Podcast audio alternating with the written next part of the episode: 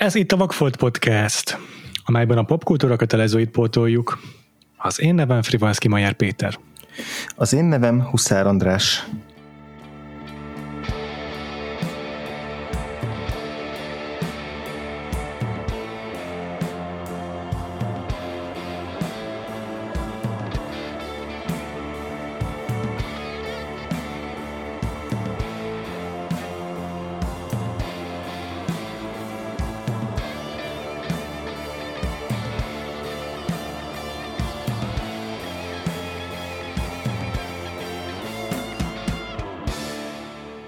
Mindig elmondom, hogy a vendég évadban az a menetrend, hogy először a vendégünk bepótol velünk egy hiányosságot, aztán rá következő héten visszajön, és megnézünk tőle egy, egy, kedven, egy olyan filmet, amit nagyon szeret. Bizonyára hallottátok a hírt, hogy ez most egy kicsit változott. Itt ül velünk először is Cyclo, azaz Mikó László. Sziasztok! Sziasztok! Ha valakinek nem lenne meg a sztori, akkor az, az, tört, akkor az történt, hogy már a múlt héten időszerű lett volna az adásunk, és fel is vettük, és tök jó is volt. és a meghirdetett My Sassy Girl, a szélvész kisasszony volt a témánk. Már kész volt hozzá a blogpost, már mindenben volt, amikor kiderült, hogy nem jó a felvétel, és menthetetlen, tényleg teljesen, teljesen menthetetlen volt a dolog. Úgyhogy újból próbálkozunk viszont egy másik filmmel. Igen, sokat filoztunk azon, hogy így mit csináljunk, hogy annak az adásnak ugye az első egy órája az, az rendben volt, utána a következő 45 perc volt, ami teljesen tönkrement, hogy esetleg azt, azt vegyük fel újra, vagy fussunk neki újra az egésznek, és beszéljünk róla úgy, hogy mi már egyszer beszéltünk róla, és akkor ilyen nagyon meta lesz, meg akkor kitárgyaljuk, hogy hogy alakult a véleményünk esetleg azóta, de ezt mindegy kicsit ilyen nyögvenyelősnek, meg ilyen mechanikusnak éreztük volna, hát úgyhogy igen, a végén abban állapodtunk meg, hogy akkor szemeljünk ki egy másik nagy kedvenc filmet Cyclotól, mm. és beszéljünk inkább arról, játékról, mert az mégiscsak frissebb lesz.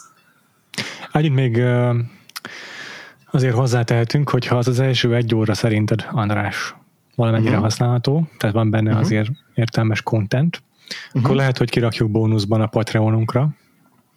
Abszolút, szerintem érdemes, hogy ne, ne, ne vesszen el teljesen. Ja, hogyha ezt az adást hallgatjátok, akkor csatlakozzatok a Vagfolt Podcast társalgóhoz a Facebookon, és az adásnak a posztja alatt kommentáljátok, hogy ha érdekel benneteket a My Sense adásunk, mert uh, amúgy egy nagyon izgalmas, nagyon formabontó koreai mm, romantikus végjátékról van szó, és ha kapcsolódik egy csomó témához, ami az utóbbi adásokban felmerült, tehát a, például a Manic Pixie Dream Girl adásban adás is kapcsolódik egy kicsit ehhez a filmhez. Szóval, ha érdekel benneteket a My Sassy Girl, a Szilvész kisasszonyról szóló adásunknak legalább az első fele, akkor azt írjátok meg kommentbe a Vakfolt Podcast társadalomba, Facebookon írjátok be a keresőbe, hogy Vakfolt Podcast társadalomba, és akkor ki fogja adni.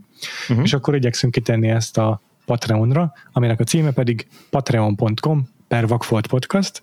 Egyébként, ha már itt tartunk, akkor a Patreonon heti rendszerességgel jelentkezünk új adásokkal, most egyébként pont a héten várható a kibeszélünk M. Night Shyamalan új filméről, az időről, az oldról, de tervezünk beszélni a Green Knight-ról is a jövő hónapban. Szóval a patreon.com per Vakfolt podcaston egy csomóféle adást kaptok pluszban, ha támogatok bennünket, amit nagyon-nagyon meghálálunk. Úgyhogy ennyit gyorsan a kötelezőkről. Hm. Igen, és akkor az se titok igazából már, hogy, hogy melyik film lesz a, a, a mostani adásunknak a témája, és nem csak azért, mert már megnyitottátok a fájlt, és ott van a fájlnak a címében, vagy a MP3-nak a címében, vagy a posztban, hanem az azért is, mert, mert mi elkezdtünk így beszélgetni erről így hármasban, amikor eldöntöttük, hogy jó, akkor keressünk egy új filmjet, filmet, bocsánat, és akkor Cyclope dobott három-négy olyan ötletet, ami, ami neki nagy kedvenc, és így mondjuk valamelyikünk még nem látta Péterrel kettőnk közül, és akkor a végén úgy, úgy döntöttünk, hogy szavazásra bocsátjuk a dolgot, és akkor társalgóban igazából három filmet futtattunk meg a, a, a, a hallgatóink között, és ezek közül eléggé meggyőző előnnyel győzött végül az a film, amiről ma beszélünk. Melyik ez a film Cyclo, azért hangozzon el a teszádból. Ez a City of God, magyarul az Isten városa, vagy a brazil címe volt ugye ez a Cidade de Deus, és hát szerintem most így vettünk egy elég szép 180 fokos fordulatot a koreai romantikus film után, a, a brazil féldokumentarista krimi gangster zsánerbe belecsapunk, úgyhogy igen, ez kicsit az egy más feeling lesz. Igen, nehezebb lesz párhuzamokat találni a lobsterrel, bár mondjuk mindegyikben vannak állatok, amik fontos szerepet játszanak. Legalább egy-egy jelenetben. De egyébként titeket meglepett a, a szavazás, vagy így erre tippeltetek? Mert azt tudom, hogy korábban Igen, még mondjuk például... el, milyen más filmek voltak ebben, ha valaki nem látta volna a szavazást. Igen, lett volna Csak egy, pont a Péter egy... mondta a, a, a, azt, hogy ugye te nagyon az Emilire tippeltél, tehát hogy az, az nem tudom így le fogja söpörni a, az érdeklődés, vagy valami ilyesmi volt Twitteren, de most én, én ezt valami, ki, hogyha valami... biztosra vettem, igen. Aha. Igen, igen. Azért én mondom, is hogy gondoltam ki, hogyha... egyébként. Igen, én, én is így gondoltam, főleg miután bedobtuk azt is, hogy Péternek ilyen nagyon hattékjei van, van, lesznek vélhetőleg az Ameliről, lehet, hogy akkor az Amali továbbra is érdekli a hallgatókat, csak a háttékjeinnel érdeklik őket. Vagy ne, pont én, inkább, én, a, én a fordítottját tudom jobban elképzelni. igen, igen, igen. De, de igen, a, a harmadik helyezett lett végül, vagy illetve nem emlékszem, hogy már pontosan a sorrend mi volt, de a harmadik film inkább azt mondom, az, a, az egy Parchanuk film lett volna, tehát maradtunk volna Dél-Koreánál a Thirst, az a, a, a angol címe, az egy, egy vámpíros film, amit egyébként egyikünk se látott Péterrel, de igen, végül, a, végül az Isten városa győzött, és tényleg eléggé, eléggé meggyőzően sokan szavaztak rá, úgyhogy így bebizonyosodott, hogy ez egy, ez egy mindmáig egy nagyon népszerű film, vagy, vagy egy olyan film, amire nagyon sokan kíváncsiak. Hát beszélni az biztos lehet róla. Mm-hmm. Cyclo, te mikor találkoztál először ezzel a filmmel, megmesélj egy kicsit a, a arról, hogy miért, miért az egyik kedvenc filmed?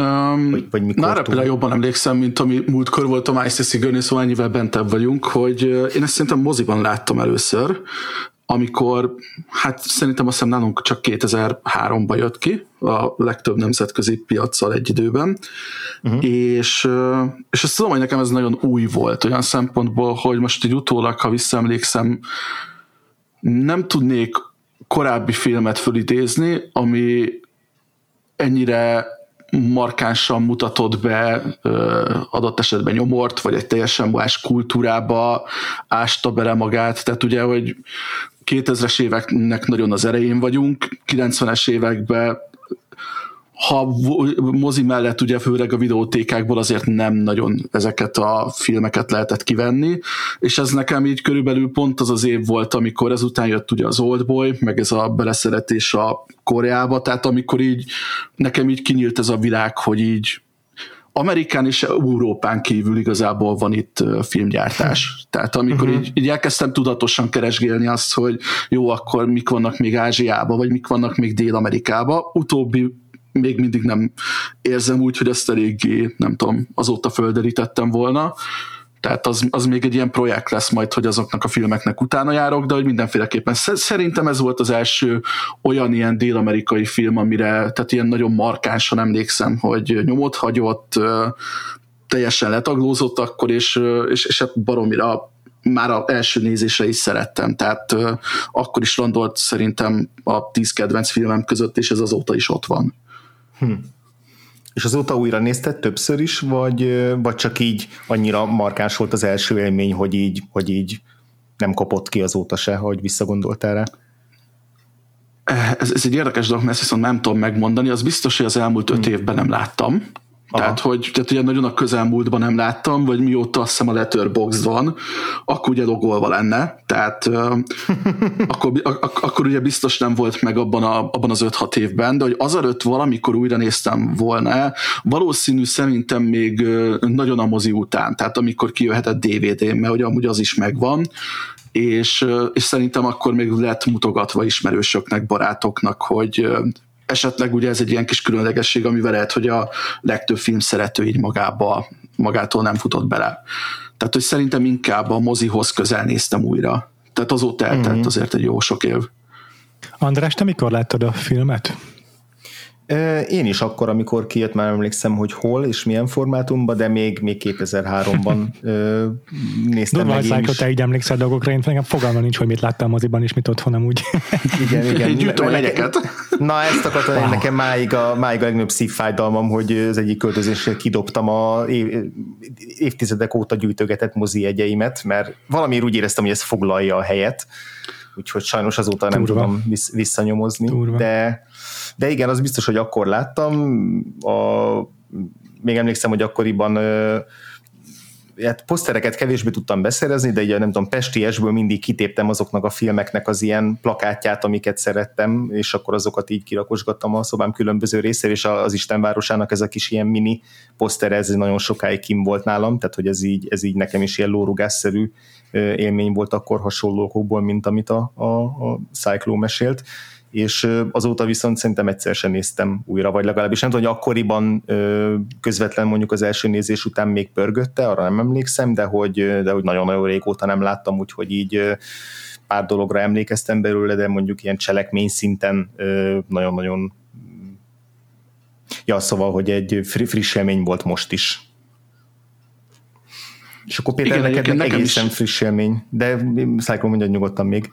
Nem, csak az, hogy nekem is nem inkább a cselekmények, hanem egy-egy ilyen konkrét jelenet, az, ami a mai uh-huh. napig beleégett az arcomba, ez pont olyan volt, mint amilyen emlékeztem, meg inkább karakterek. Tehát az, hogy nem is az, hogy a karakterek között ugye milyen, nem tudom, cselekmény szálak fonódtak, hanem, hanem maguk konkrét karakterek, hogy milyen, nem tudom, íveket jártak be, vagy, vagy ilyesmi. Uh-huh. Inkább nekem az uh-huh. maradt meg. De nem, Péter, akkor Érdekes. neked úgy volt, ugye?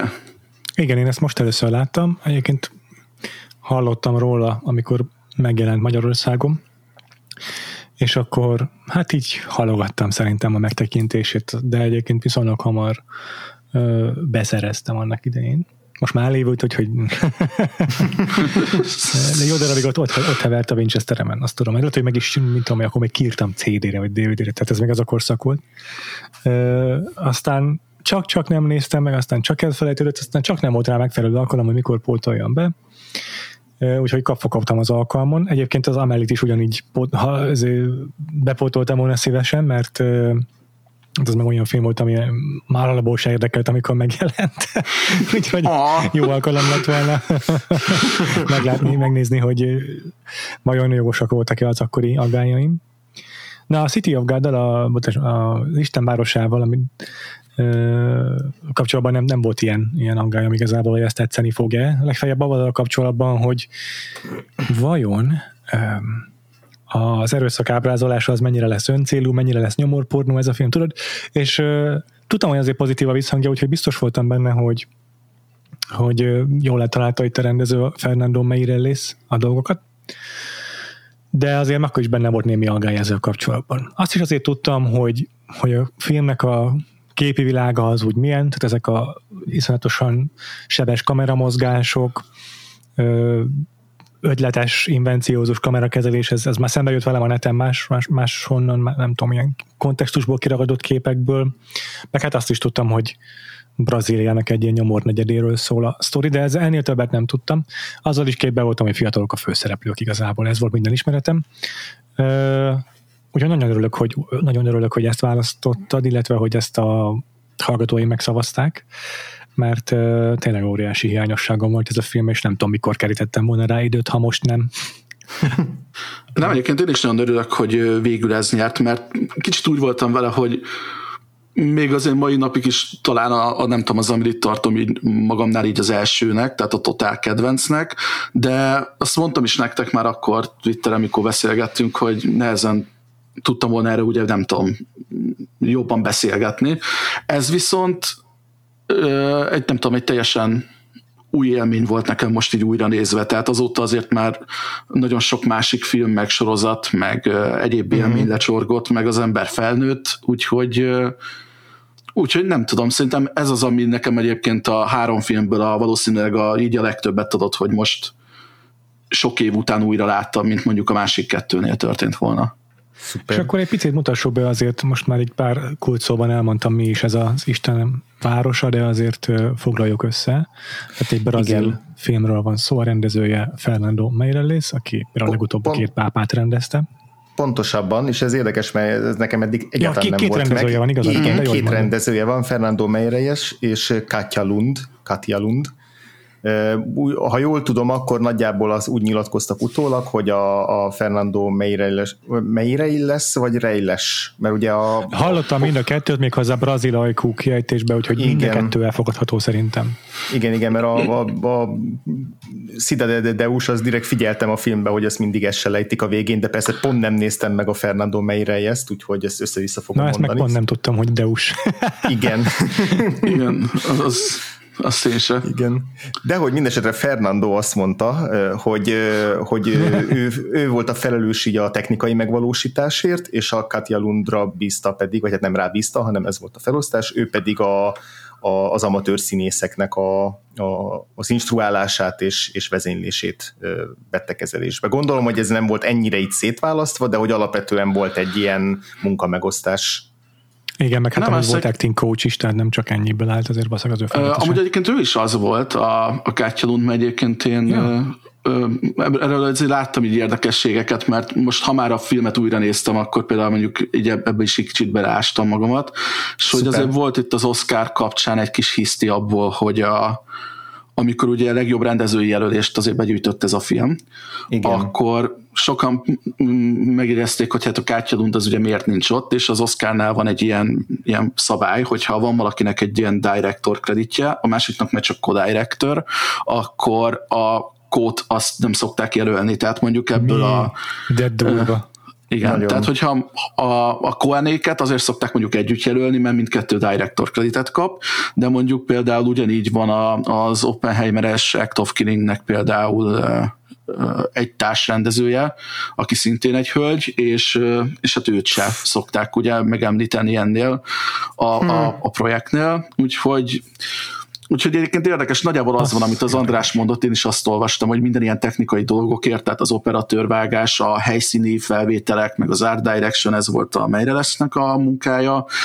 A, a Kátcsalon meg körülbelül még ezen kívül egy ilyen kulcs is volt igazából ehhez a világhoz, mert ő az az előtti hét évben végig favellákban forgatott rövid filmeket, dokumentumfilmeket, tehát ott már ő kvázi ismerte a járást, és ő foglalkozott a, az onnan castingolt gyerekekkel, meg ő instruálta őket, meg igazából ő tanította be őket a, a, a színészetre, ami, ami, hát így megnézve a film egészét, azért az se egy kis feladat, tehát a technikai dolgok mellett. Úgyhogy, úgyhogy igen, így utólag azért megért volna ő is egy, megérdemelt volna ő is egy jelölést. Ja. Hm. És egyébként is, tehát nem csak erre a projektre nevezték őt ki, úgymond filmrendezőnek egyéb. Láttam azért az a Wikipédiáján, hogy máig is aktívan dolgozik filmesként, meg azt mm. is olvastam, hogy a Katja Lund csinált egy alapítványt, ahol kifejezetten ilyen favelákban felnővő gyerekeknek oktat filmeket, meg, meg színészetet. Hmm.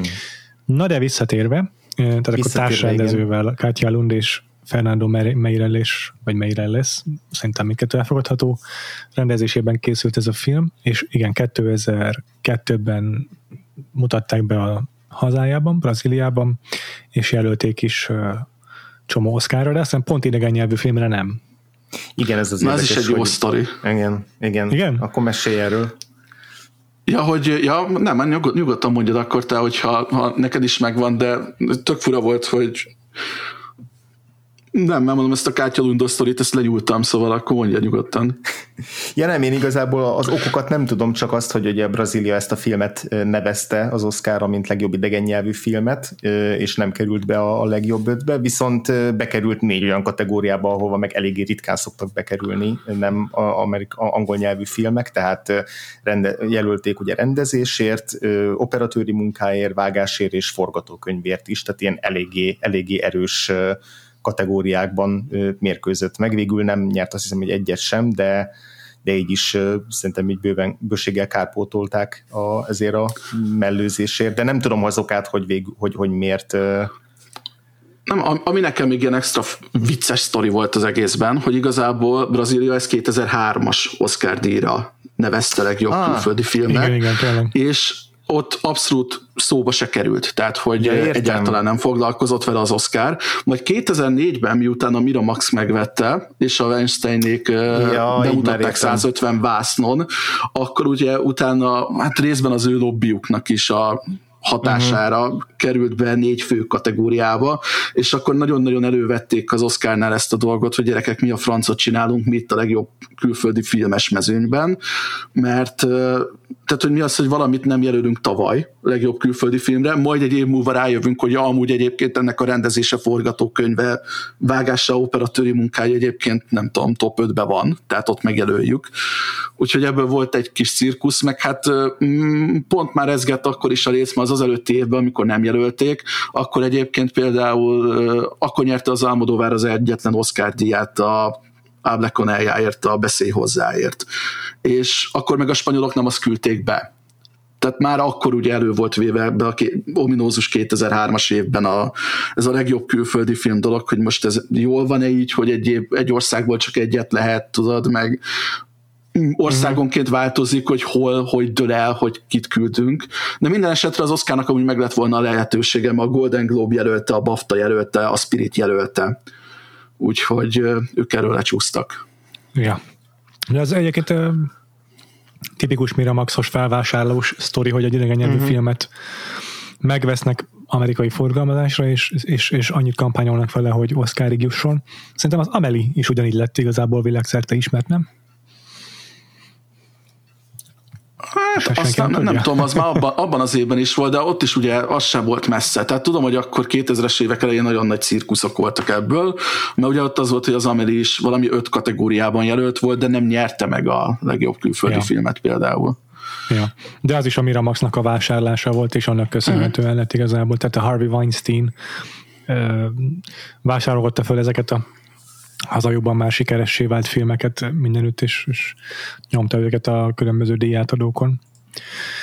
Na visszatérve magára, magára a e, Isten városára, a címet onnan kapta a film, hogy Brazíliában e, Rio de Janeiroban van egy ilyen nevű negyed, egy egész város is, egy favela, a favela pedig azt jelenti egyébként, hogy ilyen elhanyagolt város negyed.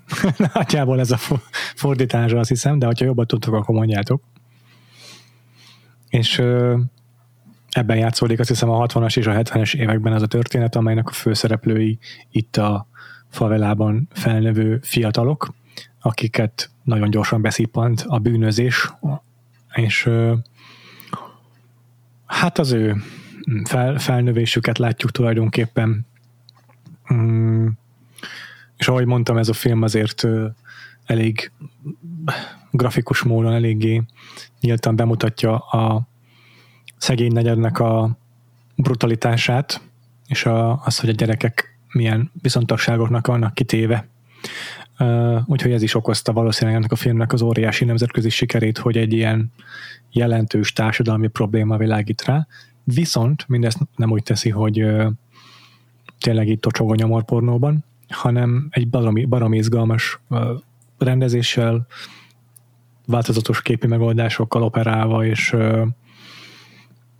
és hát azt nem mondom, hogy egy szórakoztató film formájában, de egy, egy, egy, egy tényleg egy, egy invenciózus módon elmesélt történet formájában. Szerintem egyébként abszolút lehet azt is mondani rá, hogy szórakoztató. Nyilván vannak olyan elemei, meg olyan jelenet sorai, amik nagyon megterhelőek, de, de alapvetően ez egy ez szerintem nagyon szó, szórakoztató film. Tehát, hogy hasonlóképpen, mint azok Igen. a gangsterfilmek, amikről, amikről Igen, tehát az egyértelmű, a Scorsese Tarantino. Mm-hmm.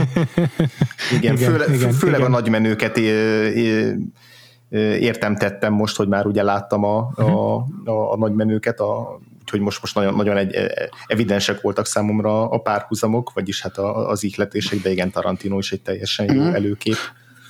Érdekes, mert egyébként én is mondanám azt, hogy a témához képest szórakoztató, tehát nyilván nem lehet mondjuk valami tömegfilmmel most így nem tudom, egy szintre tenni, de, de egyébként nekem egyébként inkább David Simon ugrott be. Tehát, hogy így utólag, hmm, hogy nagyon is. azt mondanám, hogy így Ezt kicsit úgy kezeli. tenni a drót mellé, igen. Igen. Mm-hmm. Vagy akár egyébként, hogy a treméből kiragad, tehát hogy, hogy karaktereknek a viszonyrendszerén keresztül mutat be ugye egy, egy helyszínt, vagy, vagy egy közösségnek a, a, az életét, és szerintem igazából nagyjából ugyanaz a elgondolás van emiatt, emögött a film mögött, és hát ami engem most letaglózott így a, leginkább a forgatókönyv kapcsán, hogy ez mennyire brutálisan kompaktul össze van szűve ebbe a két órába. Tehát, hogy általában sorozatokat szoktunk azért nagyon dicsérni, hogy úristen, egy Orange is the New Black az mondjuk, nem tudom, az első pár évadában, hogy tud ennyi karaktert, nem tudom, bemutatni, meg hogy mindegyikre idő jut, meg mindegyikre történet jut, és igazából ezt tudja ez a film két órában.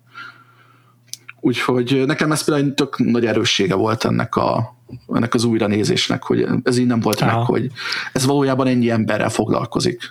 Uh-huh. Igen, az nekem is egyből szemet szórt, és kellett is az, hogy egyszer egy pörgessem a filmet az adás előtt, mert olyan sok szereplő volt, hogy nem is biztos, hogy sikerült elsőre mindent megjegyeznem. Uh-huh. De tényleg, ugye de egy eleve két évtizeden keresztül mesél, ugye kettő, mert 60-as években kezdődik. Uh-huh. Ja, uh-huh. és akkor így hát két generációt mondhatjuk, hogy két generációnak a történetét mutatja be, de hát ezek ilyen fiatal gyerekek, akiről beszélünk, szóval nem az van, hogy a apa-fia nemzedék, hanem csak így a idősebb testvérek, meg a fiatalabb testvéreknek a sztoriát látjuk kibontakozni ez, ez alatt a két évtized alatt. Úgyhogy eleve itt viszonylag sok ilyen, már csak amiatt is sok a szereplő, hogy, hogy két ilyen nagyon baráti kör, meg a hozzájuk kapcsolódó figurák, akiket látunk meg hát ugye sok név az, az eleve, és akkor az is komplikálta nálam a szituációt, meg az a, szerintem az adásunkat is komplikáltá fogja tenni, hogy, hogy hányféle fordításban létezik ez a film. Hiszen az eredeti karaktereknek, főleg a beceneveiket nem, tehát nem, nem, a, nem, a, nem a civil polgári nevükön szólítják a karaktereket, hanem ilyen utcai gangster beceneveken. És akkor van egy fordítás, ami az angolban van, de ott egy csomó nevet úgy teljesen újraértelmeztek, aztán van egy fordítás, ami a magyar feliratban van, és akkor van egy harmadik fordítás, ami a magyar szinkronban van, és tényleg teljesen, csomószor teljesen más minden három, és így ha csak ezeket látom, akkor nem lehet tudni, melyik, hogy néha nem lehet egyértelműen tudni, hogy ha csak a fordításokat lánnám, hogy melyik karakternek melyik a másik fordítás van megfelelője. Ezt örülök, hogy felhoztad, mert itt a létező legnördebb hülye dolgot csináltam, hogy nekem most itt előttem van egy ilyen öt oszlopos Excel. Excel tábla. Igen, hogy, de mondom, hogy válasszátok ki, hogy melyik oszlopot kell néznem innentől, mert még ott van a portugálnak a tükörfordítása is ugye angolra, ami ja. megint egy másik, tehát így ja. gyakorlatilag ötfajta név közül lehet válogatni. Igen. Szerintem egyébként valószínűleg angolul néztük, vagy angol felirattal, de attól tartok, hogy így a közérthetőség kedvéért a magyar szinkronos verzió lenne az a leg, legjobb, uh-huh. nem? A szinkronos, oké, okay. jó. Én most direkt azért pont a szinkronosra pörgettem át. Egyébként annyi előnye van a szinkronosnak, hogy a magyar szinkron hangokat jobban felismerem, és tudom követni. Akkor is, hogy kikicsoda, amikor egy sötét jelenetben beszélnek, és nem látok minden arcot. Mint, ez csomót számított egyébként a filmnézésekor. Úgyhogy akkor ezzel próbálunk meg, hát majd szerintem így is azért még lesznek ilyen kavarodások a nevekkel, de minden esetre akkor nagyjából ez a e, bemutatója a az Istenvárosnak, és akkor belemeltünk kicsit jobban a filmbe. Uh, hol szeretnétek kezdeni? Nem hiszem, hogy a cselekményen szeretnénk nagyon végigmenni, de azért mm. egy, egy, egy ilyen, uh, bontsuk két részre azért a beszélgetést, és egy a 60-as években játszódó szegmensről egy kicsit külön beszélhetnénk, ha gondoljátok. Tehát így a Igazából flashback az, ahogy, ahogy, ahogy indít a film, mert hogy a jelenkorban, ugye a 70-es években játszódik a nyitó jelenet, és akkor a narráció, ami már rögtön ugye a, eszébe jutothatja a, a nagymenőket, mondja, hogy, hogy de ahhoz, hogy elmeséljem a történetünket, vissza kell mennünk egy kicsit, kicsit, kicsit, az időben, és akkor, akkor ugrunk 60-as évbe, ahol a főszereplő még egy kisgyerek, tehát tényleg nagymenőkös. Igen, de egyébként az, az egész egy, film egy... hosszabb időt töltünk itt. És, és amúgy az egész film egy, egy gyakorlatilag egy két órás flashback, tehát hogy a, a nyitó jelenethez a finálé előtt nem tudom, öt percet térünk vissza, csak közben van egy időugrás, de hogy egyébként egy teljes flashbacket látunk, és azt nem töri meg a film, tehát hogy sokat Ez ugrál igaz. a Megtöri, főleg megtöri, a térben, meg van. megtöri az időt. Figyelj, olyan is van, hogy a, már a 70-es években járunk, de még uh-huh. egyet flashback-kel a 60-as években egy másik karakternek, a, hogy mi történt vele menet közben. Igen, vagy megnézi Igen, egy, egy, egy, egy, egy helyszínnek a múltját. Nem, nem, szerintem se. Nem, Tehát, nem, meg, meg az olyan... is izgi. amikor így az egyik srác, aki már leges legvégén került bele a sztoriba, neki van egy flashback egy pár nappal vagy héttel korábban arra. Tehát ilyen nagyon nagyon izgatottan meséli a cselekményét a film, de pont azt adja át szerintem, hogy ahogy a meséli ezt a főszereplő, akit a szinkronban azt hiszem úgy hívnak, hogy Rakéta, uh-huh. Uh-huh. hogy őnek így jutnak eszébe a gondolatok, a sztorik, és akkor így, így, így organikusan alakul az, hogy mikor van flashback szerintem. Meg, igen, meg hogy így igen, meg azt mondja, meg hogy hogy a történetnek ezen a pontján most még, most még nem, nem jó, hogyha itt most kitérek erre a karakterre, és majd később kitérek rá, most még nem fontos, most még nem kell tudni, ja. hogy ez kicsoda. Tehát, hogy ilyenekkel is játszik, hogy mint hogyha meg akarná könnyíteni a dolgunkat azzal, hogy közben részben megnehezíti, de hogy így néha jelzi nekünk, hogy jó, most ez nem fontos, majd visszatérünk rá. egy nem egyébként ez valamennyire könnyít, mert szerintem ugye dolgozik annyi karakterrel, hogy jó, hogy szól neked előre, hogy ezt a fazont ezt a jegyez meg, tehát hogy ne felejtsd el, hogy most neked még egy random valakinek tűnik, aki ül a buszon és jegyeket árul, de hogy jegyez meg, mert ez egy fontos karakter lesz később.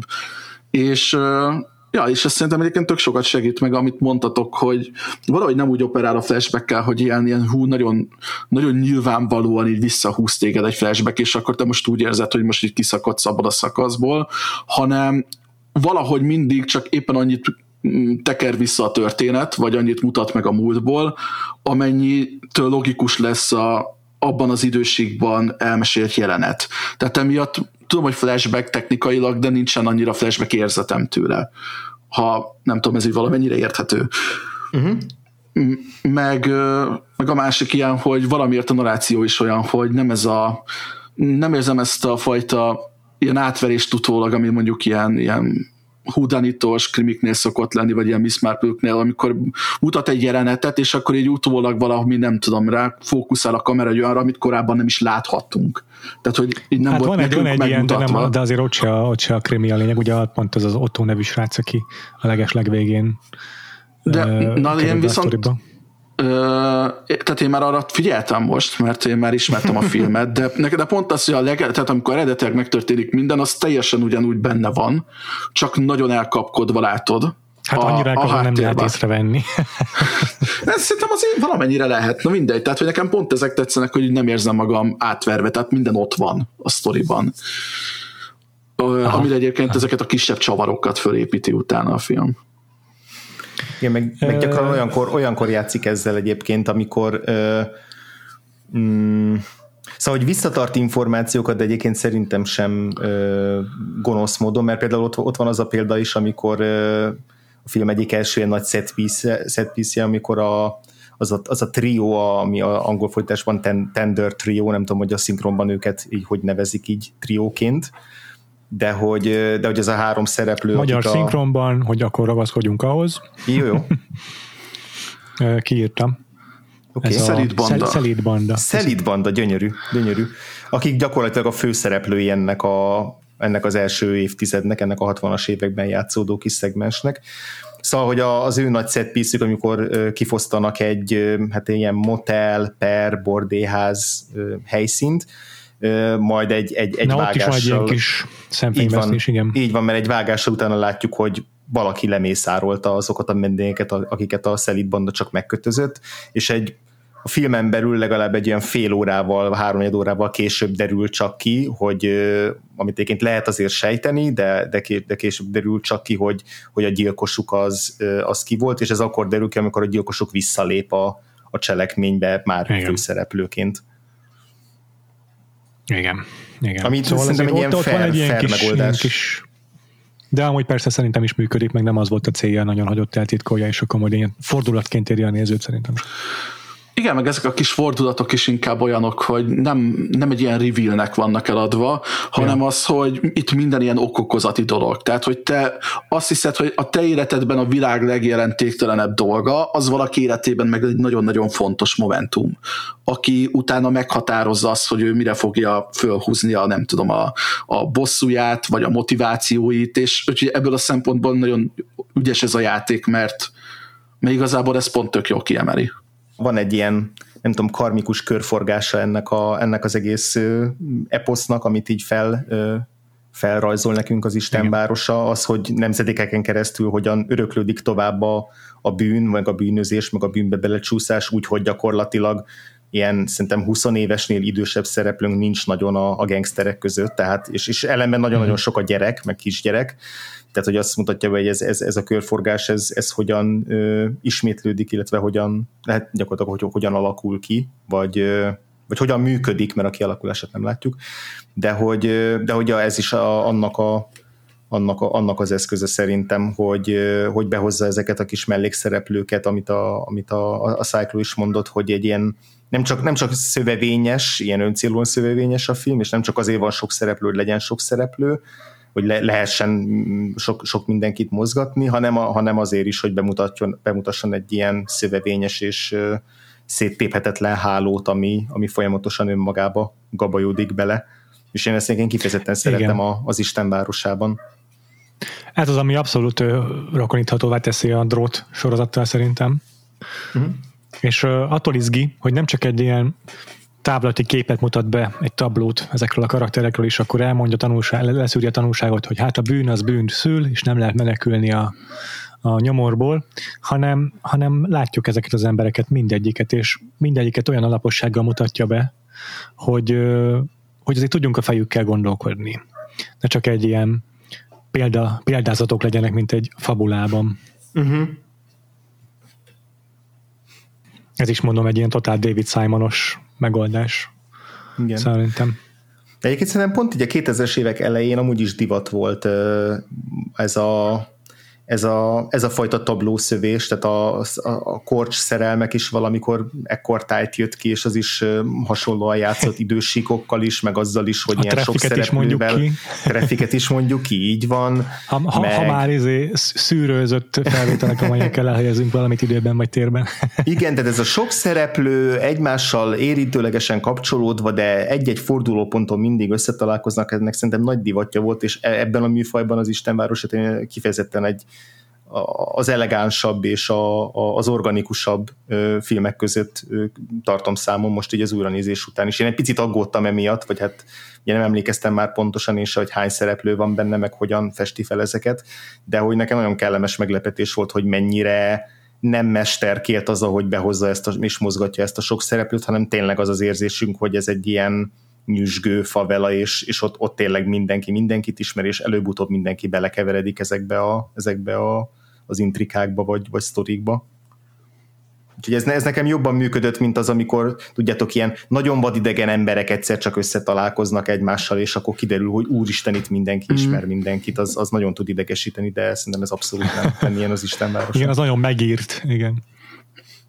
Igen, egyébként ezt már mondtam korábban is, de hogy nálam is ez volt, hogy így az újranézés, nem tudom, valamiért a, a nekem a forgatókönyv volt, ami egy ilyen nagy reveláció volt, hogy technikailag nagyjából most ugye másodjára is, vagy harmadjára is azt kaptam, ami, ami volt korábban az élményem.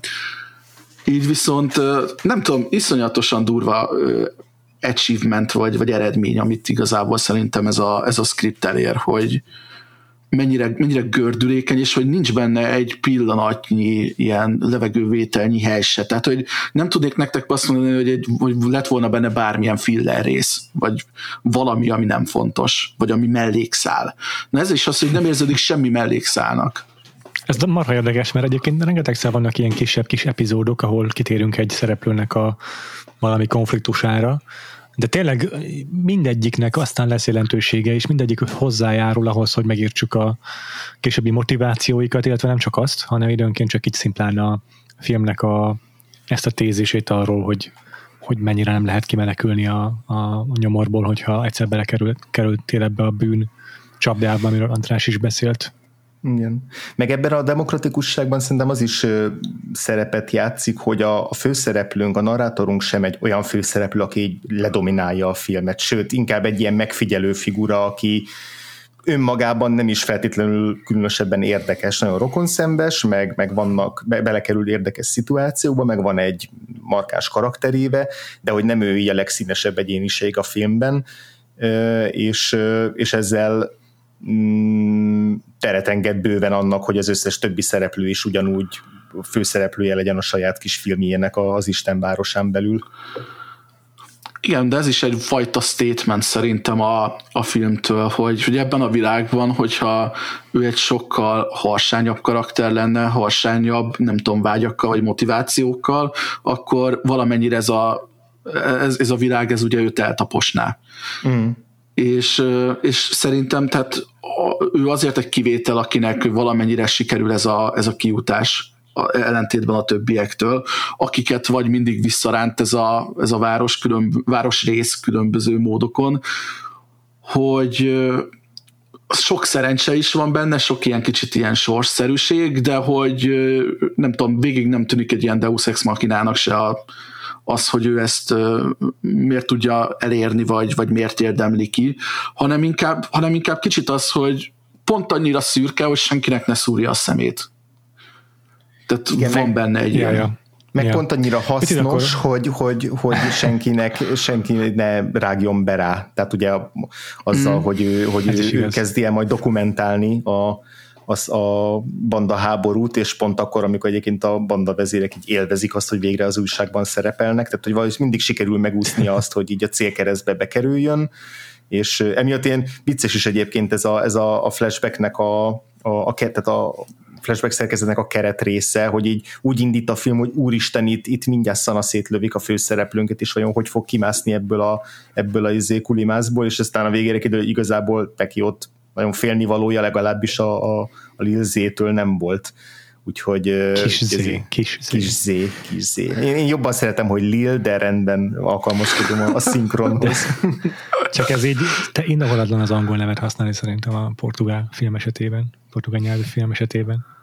Um, azért gyorsan foglaljuk össze a karaktereket, ezt a párat legalább, akiket, akiket említettünk most, hogy azok is képbe kerüljenek, akik nem annyira emlékeznek a filmre, de a, tehát a 60-as években a flashbackben először megismerjük a, ezt a bizonyos szelit bandát, és a, ott igazából két név az, aki most fontos nekünk, az egyik, akit a magyarban bunkónak szólítanak a szinkronban, egyébként Gunár vagy Goose a különböző változatokban, portugálul nem emlékszem, mi volt a neve. Mareko egyébként, és a, a, az a Borzás, aki a másik fontos tagja ennek a triónak, ebből a, eb, most, most ebben, a, amire ki akarok lyukadni legalábbis, őt az angolban Shaggynek, ahogy meg Cabellerának hívnak. Mert hogy nekik a kistesóikból lesznek itt a főhősök a 70-es évben játszódó szegmensben. És ugye az a lényeg itt, hogy igazából a, a, a Szelid banda milyen példát mutat ezeknek a gyerekeknek, de részben uh-huh. legalábbis azért itt ez a jelentősége ennek a flashbacknek, mert hogy Borzasnak a két kis tesója, az egyik ez a kis Z, akit akkor még kis kockának szólítanak, amikor pici, másik meg a Bené, és uh, itt a kis zéről már most megtudjuk, amiről az András beszélt, hogy azért így egy, egy, egy vérbeli pszichopata. És akkor a bunkónak a kis tesója meg az a rakéta, aki a mi nézőponti karakterünk, aki azért válik nézőponti karakteré, mert ő a, a forgatókönyv szempontjából legalábbis, mert ő az, aki hát így kifelé elcsingózik ebből a nyomorból, és valami, benne van valami katanás, hogy ő mást akar csinálni, ugye ez nála a fényképészet, ami elég hamar, amire elég hamar rátalál, és ez, ez lesz az, ami miatt aztán ő így a, a az lesz, aki dokumentálja ezeknek a banditáknak a hétköznapjait, és akkor ezért lesz az, amit András mondott, hogy így végül is ő lesz a hasznos, vagy így megőrzi a hasznosságát a banda számára akkor is, hogy ő hogy ő amúgy nem vesz részt annyira a bűnözésben. És akkor ez a hármas, ez a három főszereplő, Kis Zé, Bené és a rakéta azok, akiknek, akik a játék idő részében, akiket követünk, de tulajdonképpen igazából itt az idő múlásával ez, is, ez, a, ez a dinamika is változik, mert Bené egy ponton kikerül a képből, megjelenik egy újabb figura, ez a répa a szinkronban, Carrot volt az angolban, és akkor az ő banda háborújuk bontakozik ki, tehát Kizzé és a Répának a banda háborúja veszi át később a történetet, és akkor ebben helyezkedik el valahogyan a, a rakéta egy olyan ö, helyen, ahogy őt ne bántja senki. Nagyjából ez a röviden a, ezek a nevek, amik szerintem a legfontosabbak, de még majd még érintünk egyéb mellékszereplőket is, mert tényleg az van, hogy, hogy talán a Kizzé meg a Bené között is van olyan sztori, ami egy csomó mellékszereplő fontos szerepet játszik, van a rakétának is egy ilyen love interestje a filmben, ez a Angelica, vagy nem tudom, hogy kell mondani a nevét, aki aztán végül a Bennének lesz a, a, a csaja, azt hiszem. Ö, aztán a, a mikor már bandaháború kitör a kizé és a, és a répa között, akkor is bejön egy tök új szereplő, a Csirke, a magyar szinkronban Csirke, az angolban Knockout Ned, ami nem, nem, nem értem, hogy sikerült ennyire kreatívan lefordítani. Ned, az abszolút nem tudom honnan jött, mert ami még Manuel a neve.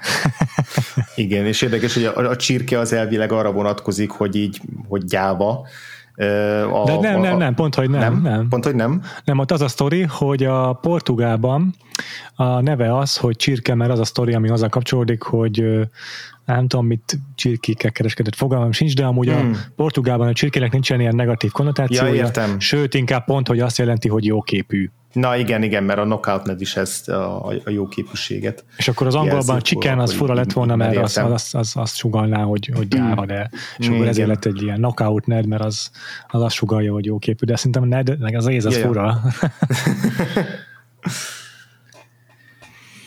Na ja, mindegy, és akkor, a, és akkor neki van még egy font, nagyon fontos mellékszála itt a fináléban, de mindez az egész ilyen szerteágazó uh, dinamika ezekkel a mellékszereplőkkel tényleg azt, azt építi fel, hogy még a leg, legkívülállóbbakat is beszippantja magába ez a, ez a, mm, a bűn, bűntől működtetett uh, életmód, és, a, és megkerülhetetlen, és mindenkit maga alá uh, gyűr egy idő uh, után, és gyakorlatilag nincsen menekvés a favelából, legalábbis nem úgy, hogy, hogy tisztán megúszod, nagyon kevesek számára legalábbis.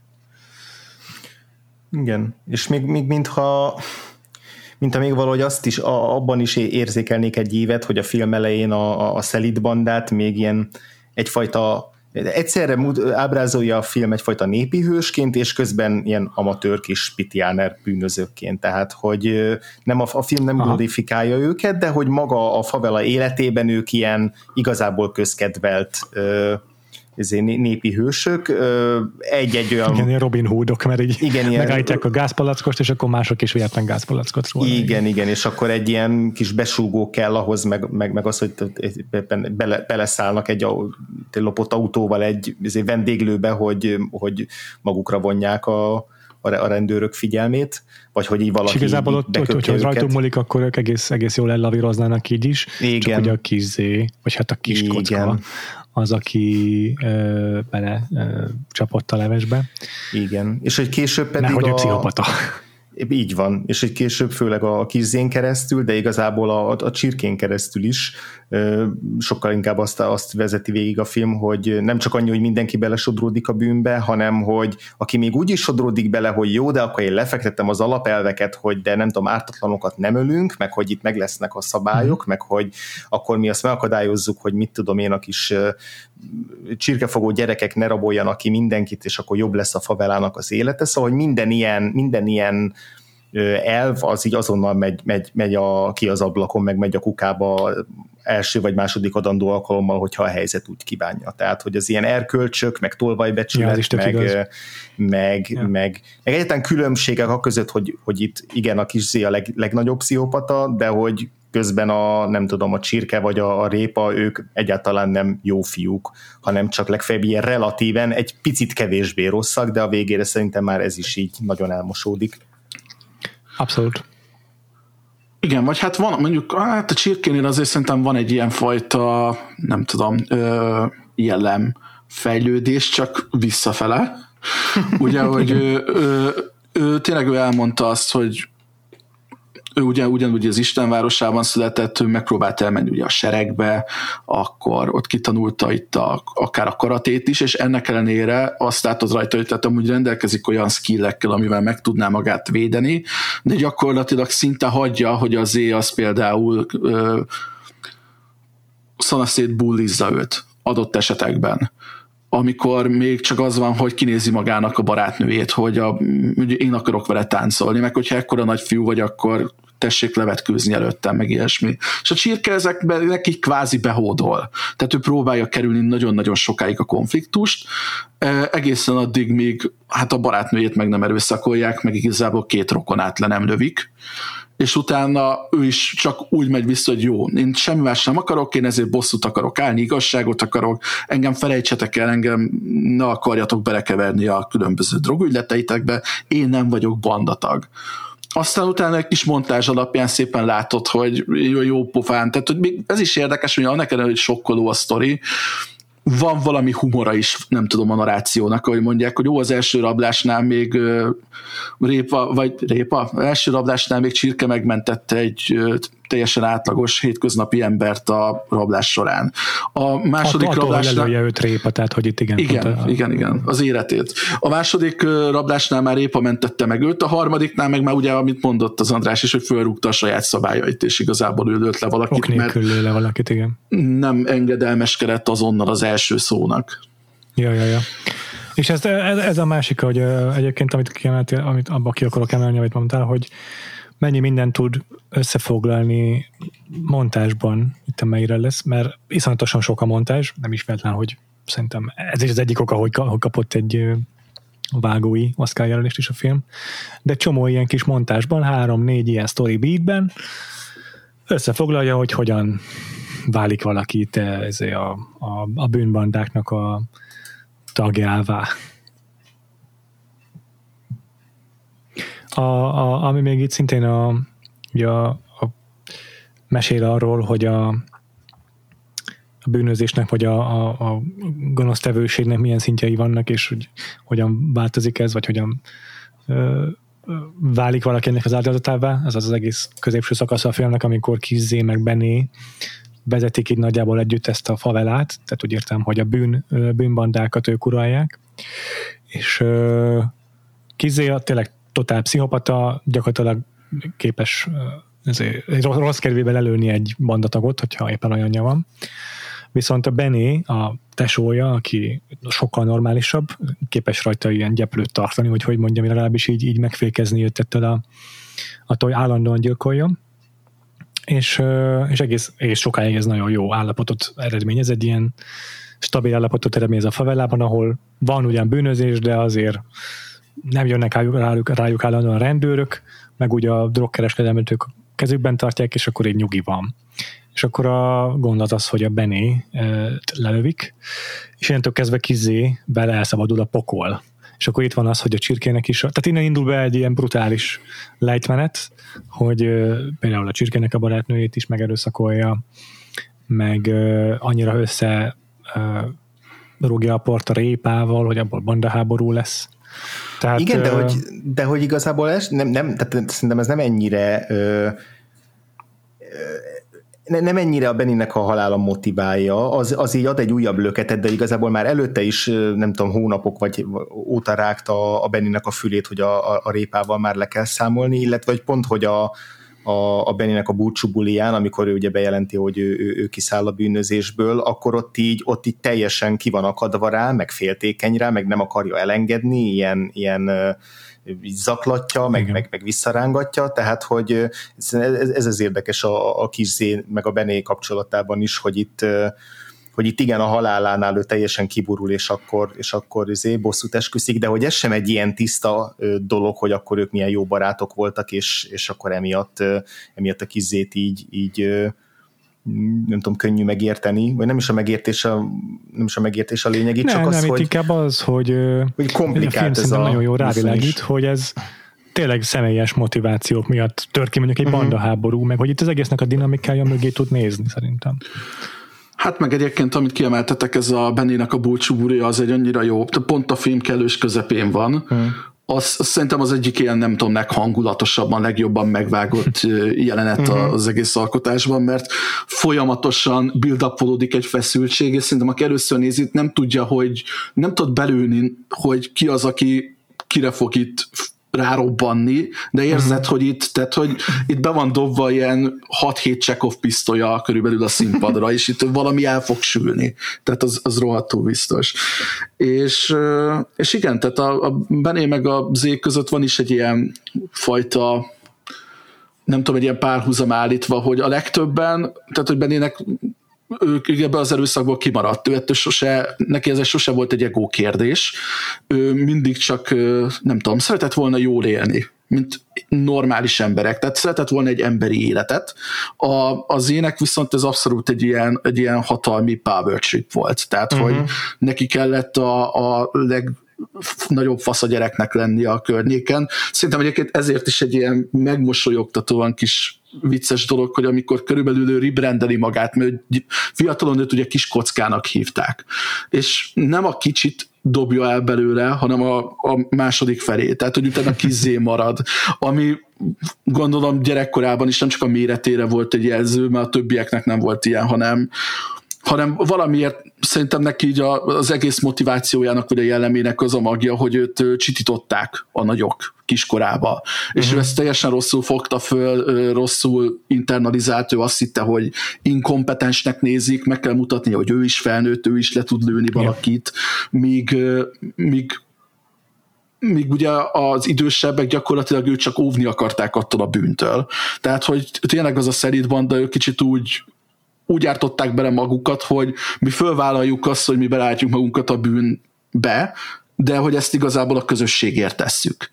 És ez Zének ebből abszolút semmi nem ment át. Tehát, hogy érdekes egyébként, hogy a gyerekekben mindig van egyfajta, utána egy, minden egyes újabb generációban van egy ilyen kisebbségi komplexus a kis zseptól vagy bandában is, vagy amikor csak az egyik ilyen futár gyereknek mondják, mondja még azt hiszem Csirke, hogy te mit akarsz itt csinálni, hogy te még gyerek vagy, és akkor mondja, hogy milyen gyerek, cigizek, kokózok, már gyilkoltam és loptam, már majdnem férfi vagyok. Ja, tehát ott teljesen hogy... megismétlődik ott a kis kockának a, mm. az elősztoria igazából, ilyen látszik, hogy azért ilyen vissza-visszatérő motivumok ezek itt a favelában. Úgyhogy mindenkiben van valamilyen, nem tudom, egy ilyen tomboló tűz. Ez főleg minél erősebb, annál inkább lejjebb megy egy még fiatalabb generációba. Tehát szerintem nem Aha. tudom, hogy ez valószínűleg én úgy gondolom, hogy ezt a film egy tudatosan akarja így mutatni, hogy nem tudom, mindig amikor egy fajta fiatalabb generációra megy a fókusz, akkor én mindig azt éreztem, hogy na, ezek picit még vérszomjasabbak lesznek, mint az előző volt, mert lehet, ugye igen, látnak lehet. egy előző mintát, amit csak és arra rástrófolva lehet lenyomni, igen. Ja, ez igaz. Igen, igen. igen. Úgyhogy van egy pont... ilyen tragikus spirál benne.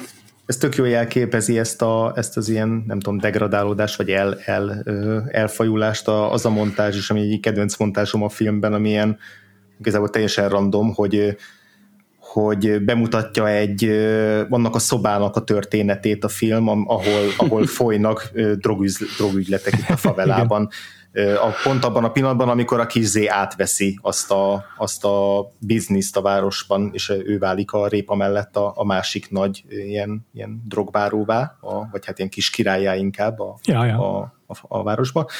És hogy amikor ott, ott, ott belép a, a, a történetbe, vagy visszalép a, a kis Zé, már felnőttként, akkor ott így satúféket fog a film, és így szépen egy ilyen kitartott képen, montásban így lepergeti azt, hogy, hogy, hogy hányan és kik fordultak meg abban a szobában, és hogy az egész úgy indult, hogy egy, izé, egy háziasszony anyuka gyakorta izé, eltartani a gyerekét egyedül, hogy izé, füvet árult, és aztán oda jutott, hogy itt már szanaszétlövik egymást a, a, ja, a bűnbandák, tényleg, és közben tényleg. a maga a szoba is teljesen lerohalt, tehát az elején meg egy ilyen kis nap, napfényes kis izé, mm, kellemes lakás, és utána meg már egy ilyen teljesen, teljesen le, lepukkant izé, bűn, bűntanya.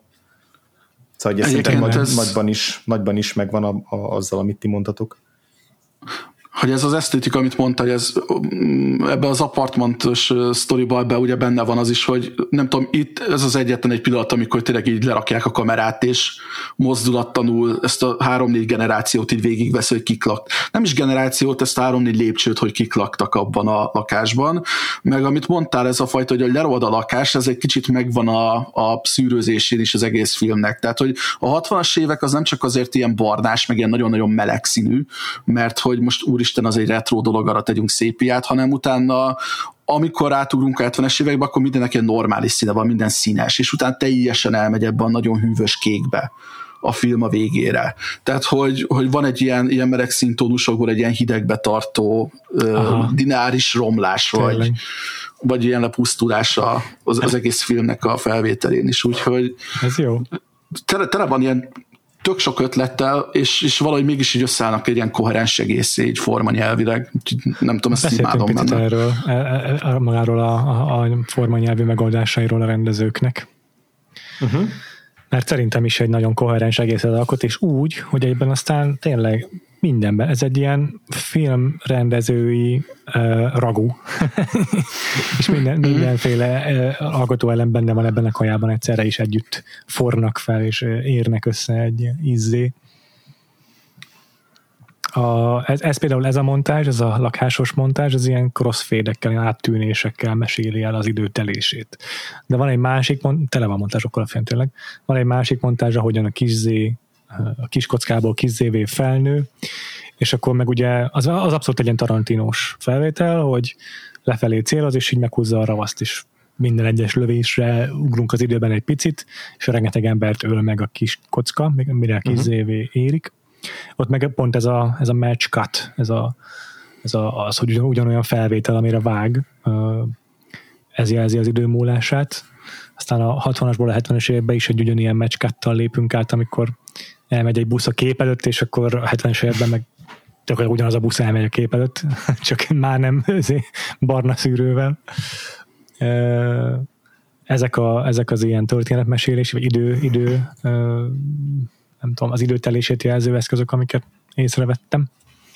De marha jók szerintem a kamera, tehát a kamera kezelés is marha izgalmas, iszonyatosan pörgő zaklatott ez a film, nagyon-nagyon sokat rángatja a kamerát a Meryre lesz, és nem csak ebben, ugye azt hittem, hogy ez csak erre a filmre lesz jellemző az ő filmográfiájából, de aztán tavaly láttuk a két pápát és két beszélgető öreg emberről is ugyanígy tud rendezni az öreg. Igen. Igen, mintha, mintha a favelában lőnék szét egymást a Anthony Hopkins meg a izé Jonathan Price. Nem, Lehet, hogy azt mondták neki, amikor megkapta azt a projektet, hogy van egy filmed Isten városáról. Mi lenne, ha csinálna egy filmet a valódi Isten városáról? És akkor így sign me up. Wow. Szép, szép.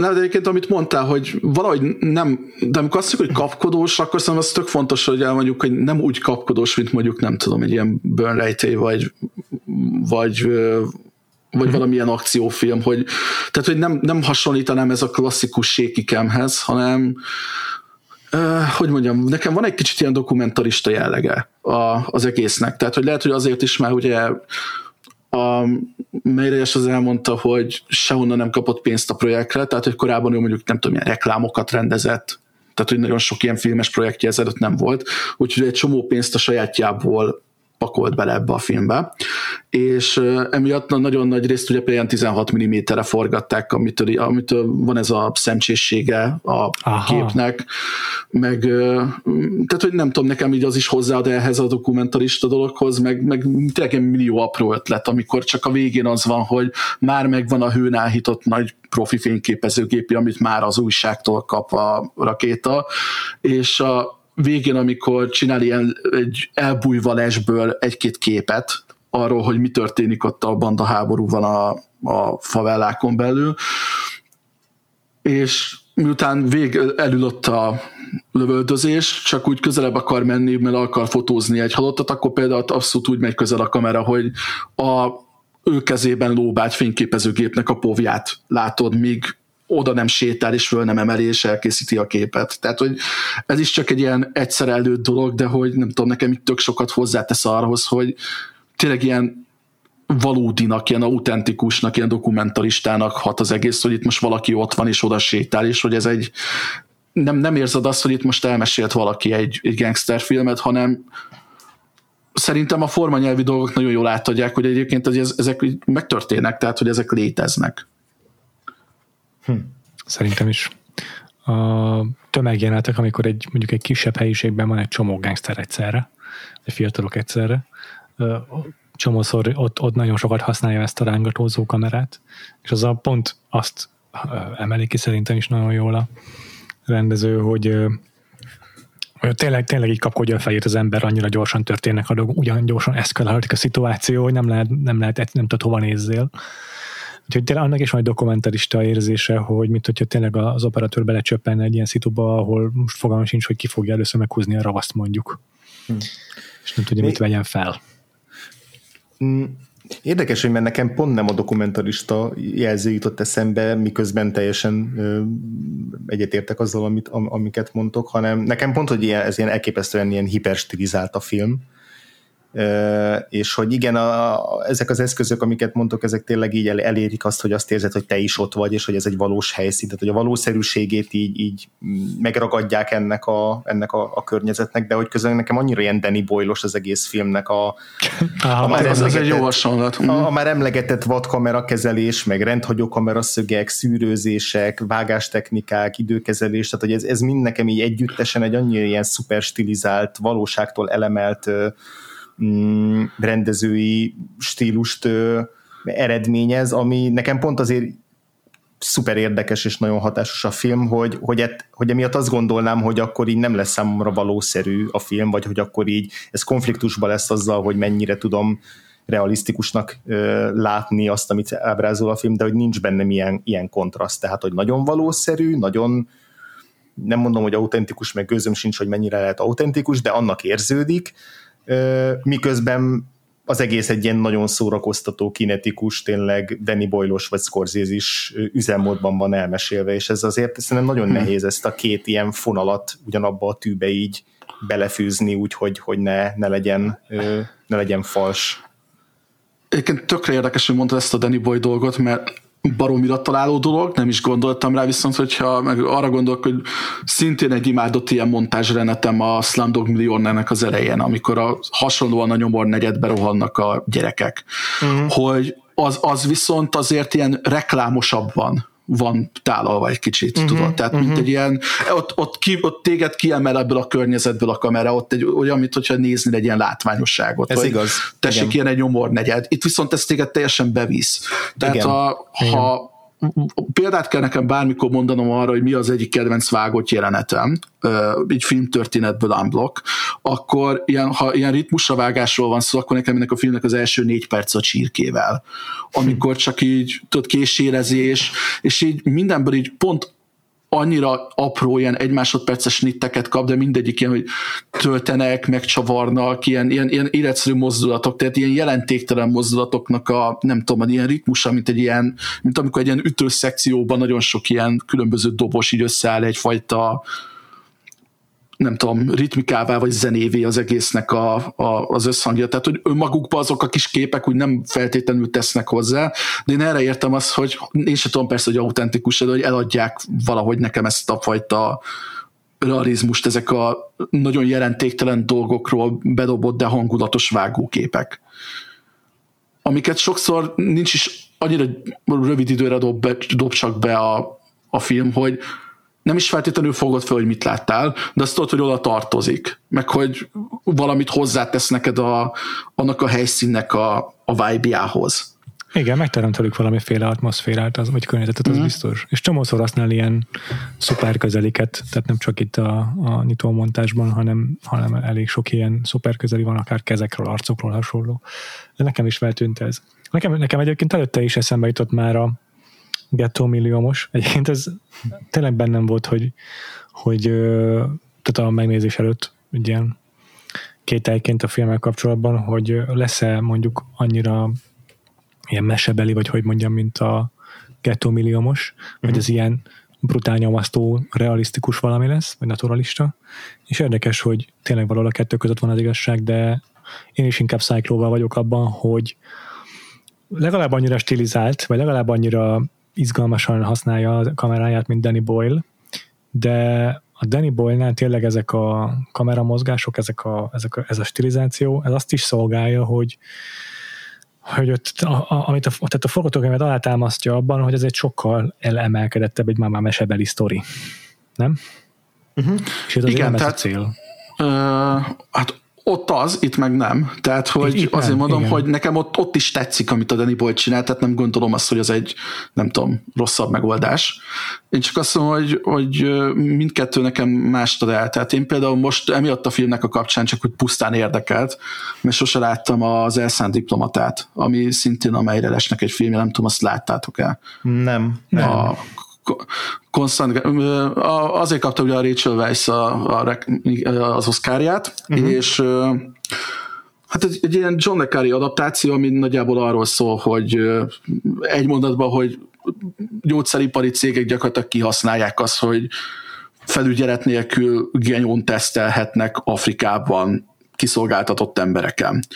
És ebből van egy ilyen klasszik Le Carré történet szűve, de ott valahogy, amikor Nagy-Britanniában vagy mondjuk Londonban játszódnak ilyen európai környezetben a, a jelenetek, teljesen majd, hogy nem unalmasan így lerakjuk a kamerát, így vesszük, mint egy átlagos filmet, amit így megszokta, hogy minden ilyen nagyon nyugodt, szabályos, és amikor Afrikába bekerülsz mondjuk egy olyan helyre, ahol mondjuk oltásokért állnak sorba az emberek, vagy ahol mondjuk 30 mérföldet kell a kórházig elsétálniuk, a, meg majd utána vissza a frissen szült gyerekkel. Tehát, hogy a, fú, az is egy ilyen iszonyatosan, nem tudom, ilyen, ilyen, ilyen megterhelő világot mutat be, de az is valahogy erről a, erről a kirekesztettségről, az exclusionről szól, de valamiért, mikor mindig ezt a világot mutatja, akkor teljesen átvált ugyanerre a stílusra, ami a, az Isten városában van. És mi ezt egy filmben használja ezt a nagyon statikus, ilyen, ilyen hétköznapi módszert, meg ezt, ezért szerintem van benne, nem tudom, egyfajta olyan üzenet is most ugye ennek a filmnek a kapcsán, hogy, hogy valamiért szerintem hogy ebben a világban való élés az egy ilyen, egy ilyen nagyon zaklatott dolog, amikor bármikor, bármilyen pillanatban akármi történhet veled, így nem tudod mhm. kiszámítani, hogy aznap mi lesz. És mondom, ha nem látnám ezt a másik filmet, akkor nem gondoltam volna ezt így át, csak hogy így abban annyira megvan ez a két világ egymás mellett, és nagyon Aha. tudatosan elkülönítve, hogy hogy ja, nagyjából nekem így ez a megfejtésem arra, hogy itt ez miért úgy ez van fotózva, hogy viszont amit megmondtatok a két pápáról, az meg ott az, az meg bezavar a képbe. Tehát ott kicsit azt értem, hogy valahogy föl kell dobni egy Wikipédia szócikket, vagy nem tudom. Lehet. De egyébként ez teljesen igaz, ahogy mondasz, mert hogy ennek a filmnek a nézése közben végig olyan érzésem volt, hogy mennyire stresszes lehet ott lakni a favelában. Uh-huh. Pedig valószínűleg egyébként, ha te most ott egy sima gyerek vagy, vagy akárki, akkor azért viszonylag nyugisan telnek a hétköznapjaid. Vagy hát én legalábbis hozzászoktál ahhoz, hogy a két utcával arrébb egy, egy lögés, vagy valami, nem? Hát valamennyire biztos. Szóval itt meg aztán abszolút az jön át, hogy, hogy egy, egy perc nyugta nincs az embernek, és így folyamatosan stresszben él. Szerintem egyébként ez is benne van a, a filmben, amit most mondasz, hogy hogy így megszoktad, hogy ott melletted lövöldöznek, mert, mert én pont a, a filmnek az erőszakábrázolásában érzékeltem azt, hogy hogy ez ilyen teljesen mindennapivá válik egy idő után. Tehát az elején még ilyen, nem tudom, nekünk is még ilyen izgalmas, meg vagy, vagy esetleg elborzasztó egy-egy erőszakos lövöldözésen, de a végén, amikor tényleg ilyen, el is hangzik a filmben, mint vietnámi háború vizé, alakul ki a, vizé, vagy csatatérré válik a, a favela, akkor már igazából szemünk se rezdül a, a gépfegyvereken, mert hogy már nekünk is, mint nézőknek is annyira megszokottá vált, hogy hát igen, itt, vizé, itt folyamatosan ropódnak a fegyverek, és minden kisgyereknek a hátsó zsebében van egy pisztoly, tehát itt szerintem ezt is nagyon jól kezeli a film, hogy, hogy, ez, hogy ez nem, nem, nem is azt mondom, hogy így dehumanizál minket nézőként az erőszakban, hanem egész egyszerűen hmm. csak egy ilyen hétköznapos dolognak ábrázolja, vagy minden, inkább azt mondom, hogy mindennapos dolognak ábrázolja azt, hogy itt ilyen folyamatos vérengzés és, és erőszak a, Aha. van. De egyébként azt viszont nem tudom, én azért megadnám a filmnek, hogy van egy jelenet, de azt leszámítva abszolút nem tudom, nem glorifikálja ugye ezt a fajta vérengzést azzal, hogy mutogatja azt, hogy a különböző fejlővéseket meg, tehát hogy nem csinál belőle egy látványosságot, hanem, hanem egyszerűen itt majd, hogy nem mindig, aki meghúzza a ravaszt, azon marad a kamera. Tehát nagyon-nagyon Ezt ritkán látod azt, hogy, hogy mhm. valakit lelőnek. Egyetlen egy kivétel van, amikor elharapódzik a, a, a dolog a nagyon fiatal kisgyerekekkel, akik zsebes, zsebeskednek, és akkor hmm. ugye mondják, hogy hát mióta kicsizé átvette az irányítást a városrész fölött, azóta nagyon nincsen akció, vagy akció, azóta nagyon nincsen agresszió annyira az utcákon. Tehát egy ilyen furcsa dolog van, mert mindenki annyira rettek tőle, hogy nem mes senki csinálni semmit, úgyhogy valahogy ezeket a gyerekeket meg kéne fékezni. És akkor egyszer fölkerekednek, lerohanják ezeket a kisrácokat, kettőt elkapnak közülük, és magukkal visznek egy másik gyereket, akiket, akit be akarnak tanítani, meg ugye be akarnak húzni magukhoz, mint bandatagot és gyakorlatilag megkérdezik a két kisgyereket, hogy hát mi belőjünk a kezetekbe vagy a lábatokba. És akkor tartják szomorúan a kezüket, meg ugye már zokognak, de végül egyébként ennek ellenére a lábukba lőnek, majd odaadják a gyereknek a fegyvert, hogy akkor válasz a kettő közül, hogy az egyiket meg kell ölned. Na, Egyébként nekem, amikor mondtam, hogy így voltak ki jelenetek, amik itt beégtek, amik így húsz év után se felejtődtek el, az például ez az egyik. Mm, Tehát, hát hogy ez, ez, hogy ez, ez, ez, ez engem totál lesokkolt, mikor először láttam, hogy mm. hogy, hogy ilyen van, meg hogy filmem van, és hogy ez egyébként szerintem azért is hat, hatásos, mert az összes többit viszont abszolút nem tolja ennyire szem elé, hanem azok csak úgy megtörténnek. Aha, Igen. és itt azért azzal is okosan bánik a Fernando, hogy itt nem kezdi el rángatni a kamerát őrjöngőve, hanem uh-huh. például a, mit tudom, a srác válla fölött szépen megáll a kamera, és úgy nézi, hogy hogy a, az általán megölt gyerek az ott hever a földön. Tehát, hogy egy csomó ilyen állóképpel, vagy nem annyira izgatottan rángatja a kamerát, hanem jóval, jóval, hagy, jóval inkább hagyja, hogy most így le, le, leüljön, meg hogy így belehelyezkedj ebbe a szituációba, mint néző, és így a feszültséget megteremti azáltal, hogy itt most nem vonja magára a figyelmet a kamera, hanem megteremti ezt a mise szent azáltal, hogy csak egyszerűen most ott kell lenned és nézned, és nem tudsz mit csinálni. Nem, mm-hmm. nem, mondjuk nem rányítjuk a kamerát, nem nincs ott egy operatőr, aki közbeszólhatna, úgymond, tehát most a dokumentarista értelmezés nézem, akkor nincs ott egy plusz egy figura a kamera kezelése, a kamera mögött, aki aki így, mint a, tudjátok, hogy mire gondolok, mint hogyha a néző rajta keresztül mm. ö, ott lenne, és, és lenne beleszólás a dolgokba, hanem annyira lelassulott minden, hogy ott a kamera ilyen távoli megfigyelővé válik abban az értelemben, hogy nem, nem, nem, nem tudod elképzelni, hogy nem, az, nem arra koncentrálsz, hogy azt most ott rángatja valaki, és ott van még egy szereplő a kamera mögött, vagy ilyesmi. Ja, erről is egyből beugrott egyébként a, a drót, erről a jelenetről, annak az első évadában volt egy nagyon hasonló, nagyon brutálisan megrázó kulcs jelenet, és szintén gyerekekkel, vagy hát ilyen nagyon fiatalokkal. Ö, ja, kíváncsi lennék egyébként, David Simon látta-e az Isten városát, vagy mit gondol róla, mert ja, érdekesek ezek a, a párhuzamok. Most nem arra utalok, hogy innen lopta volna el az ötletet, csak, csak tényleg érdekes, hogy, hogy azért, ahogy a. Cycle is mondja, ilyen, ilyen kemény ö, jeleneteket gyerekekkel azért ritkán ö, szoktak bevállalni, miközben valószínűleg tényleg megesnek hasonló dolgok így ilyen, ilyen ö, beavatási szertartás részeként akár a bandákban, szóval ö, nem egy, nem, egy, ja. nem egy írói agyszülemény valószínűleg. Nem, valószínűleg nem. És tényleg iszonyatosan erős az a jelenet. Ott, ott is megvan azért ez a, ez a kézi kamerázás, tehát tényleg tartja magát a lefektetett stílus alapokhoz a Fernando, csak, csak tényleg látszik, hogy így, mint hogyha a kamerás is most egy picit be lenne szarva, és így max egy picit így mozgatja, tehát tényleg ahogy a vállán van a kamera, úgy járkál vele, vagy így a szereplők mögé bebújva kamerázik, és a vágás is szerintem ott nagyon, tehát mesteri egyszerűen a, hogy mikor látjuk közelről a szereplő arcát, aki tudod így a, belemászik szinte a kamera, miközben hátulról a kizék hmm. így cukkolják, hogy akkor melyiket lövöd le. És akkor van egy vágás, amikor meghúzza a ravaszt, akkor meg a két gyereket egyszerre látjuk, meg a srácot, ahogy a kamerának háttal meghúzza a ravaszt. Tehát ilyen nagyon, nagyon ügyesen, jó ritmussal van, tényleg az megvágva az egész egy mesteri jelenet, és tényleg olyasmi, ami, amit soha nem fog tudni kitörölni az emlékezetemből. Igen, de még ráadásul ott is úgy, úgy, úgy vannak beállítva a szereplők, a, a, a, amikor eldördül a fegyver, hogy a, a, a gyilkos srác az kitakarja azt, akit, akit megöl, tehát hogy, hogy ne legyen exploitatív, ja. hogy ne lássuk, mm, hogy ott ja. izé, izé felrobban ja. a feje a gyereknek, tehát ja. ez, ez szerintem té- én tényleg nagyon úgy éreztem, hogy, hogy kifejezetten okosan alkalmazza és kezeli az erőszakot a, a, a, a film, miközben egy, tényleg egy hiper erőszakos filmről van szó, vagy ultra erőszakos filmről, de, de csak abban, hogy, hogy nem, nem az ábrázolás módjában, hanem, hanem abban, hogy, hogy itt az erőszak az, az, egy, az egy állandó és, és folyamatos és megfékezhetetlen dolog a, a favelának az életében.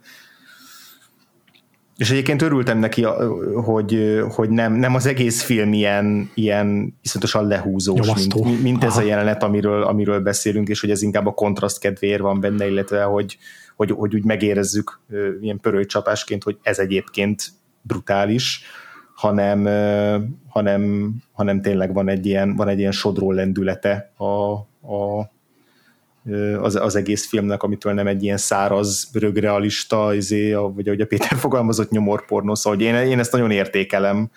Hogy, Abszolút. Hogy, hogy nem a, nem a nem tudom, adott esetben realisztikusabb vagy védhetőbb megközelítést választotta, hogy jó, akkor mi most nagyon tárgyilagosan fogjuk csak bemutatni ezt a világot, meg ezt az erőszakot, hanem bevállalták azt, hogy nem, ez legyen nagyon vad, nagyon zaklatott, mert hogy valahogy ez, ez mégis jobban passzol a szereplőkhöz is, ahogy, ahogy mondtátok, és közben nézni is, és nem az, hogy jobb, de, de én értékeltem azért, hogy nem kellett megpusztulnom 600-szor a film alatt a szenvedéstől.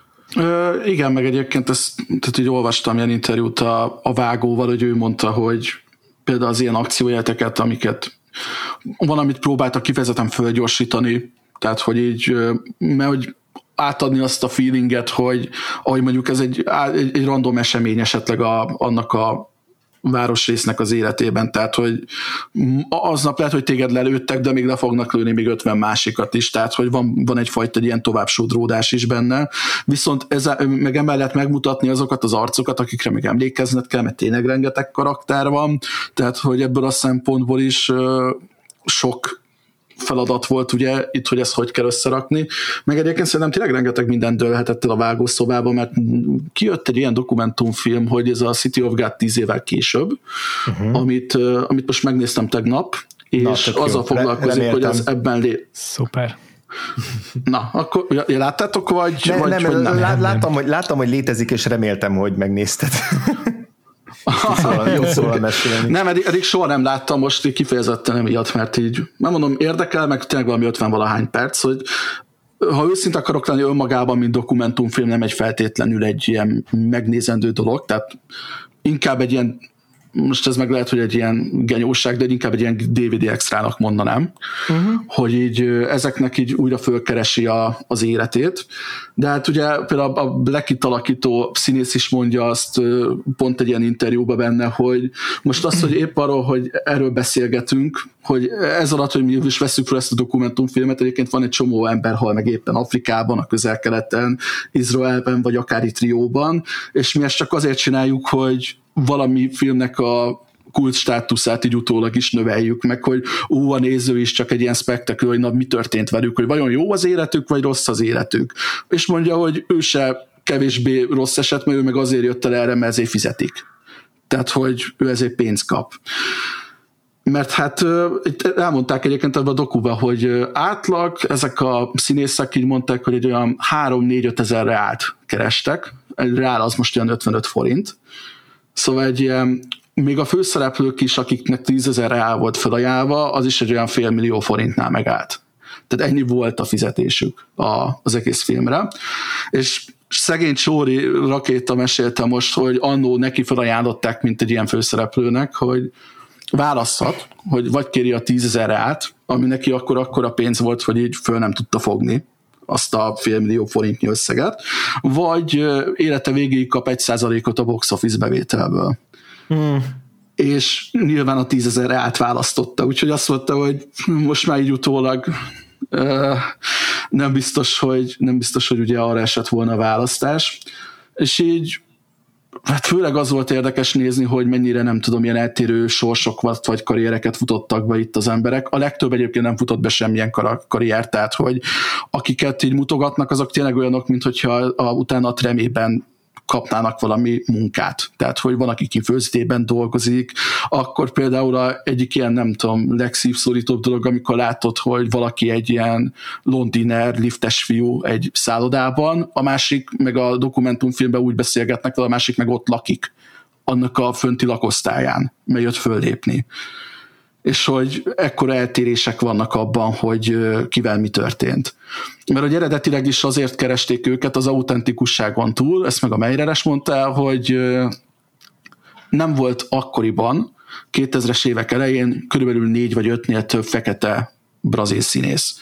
Tehát ha akartak se volna, tudtak volna találni. Tehát túl azon, hogy akkor ha már amatőröket kell castingolni, akkor olyanokat akartak, akik egyébként tényleg ilyen helyen nőttek föl, vagy ilyen életkörülmények között laknak, hogy nem tudtak volna találni. És például mondták, hogy utólag is ezek az emberek, hogy ráadásul nem is nagyon tudnak találni most se, mert hogyha mai napig a Brazíliában, hogyha nem az van benne egy scriptben, hogy fekete ügyvédnő, hanem csak az, hogy ügyvédnő, akkor kurva biztos, hogy azt nem fekete ügyvédnő fogja kapni.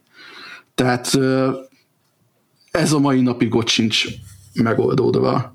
Hmm. Úgyhogy mondták, hogy tényleg a fizetésükben van, aki kifizette a lakbérét, föltöltötte a hűtőjét, és ennyi volt, amit színészként kapott.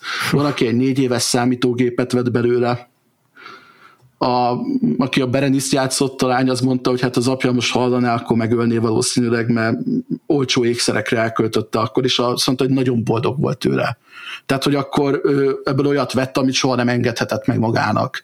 Tehát, hogy van benne valami így, így egy ilyen extra szívszorító is, hogy utólag megnézed, hogy ez mik történtek ugye ezekkel az emberekkel. És hát ugye ketten futottak be kicsit jobban. Volt a Seu Jorge, vagy Jorge, nem vagy tudom Jorge, a portugál kiejtés. Őt, neki az indította be a karrierjét, hogy a Wes Anderson ismerte a Meirelest, és nem tudott más olyan embert, aki dolgozott volna brazil fekete színésszel, és neki a, az édesvízi élethez kellett valaki, aki a Pelé dos Santos eljátsza aki egy ilyen fekete brazil színész, a, tehát egy fekete brazil színész keresett, aki tudott énekelni, átírni portugálra dalszöveget, és kicsit hasonlított Pelére.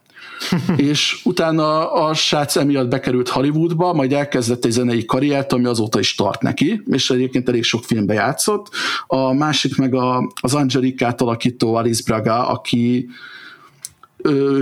tök véletlenül megtalálták, ő kapott egy szerepet az I Am Legendben, ő volt a brazil túlélő a Bill Smith mellett, aztán utána kapott ilyeneket, mint a Repo Man, Predators, Elysium, most a legutóbb a Suicide Squadban ő volt ez a Sol Solaria nevű felkelőket vezető helyi lány, aki, aki a kontaktjuk volt.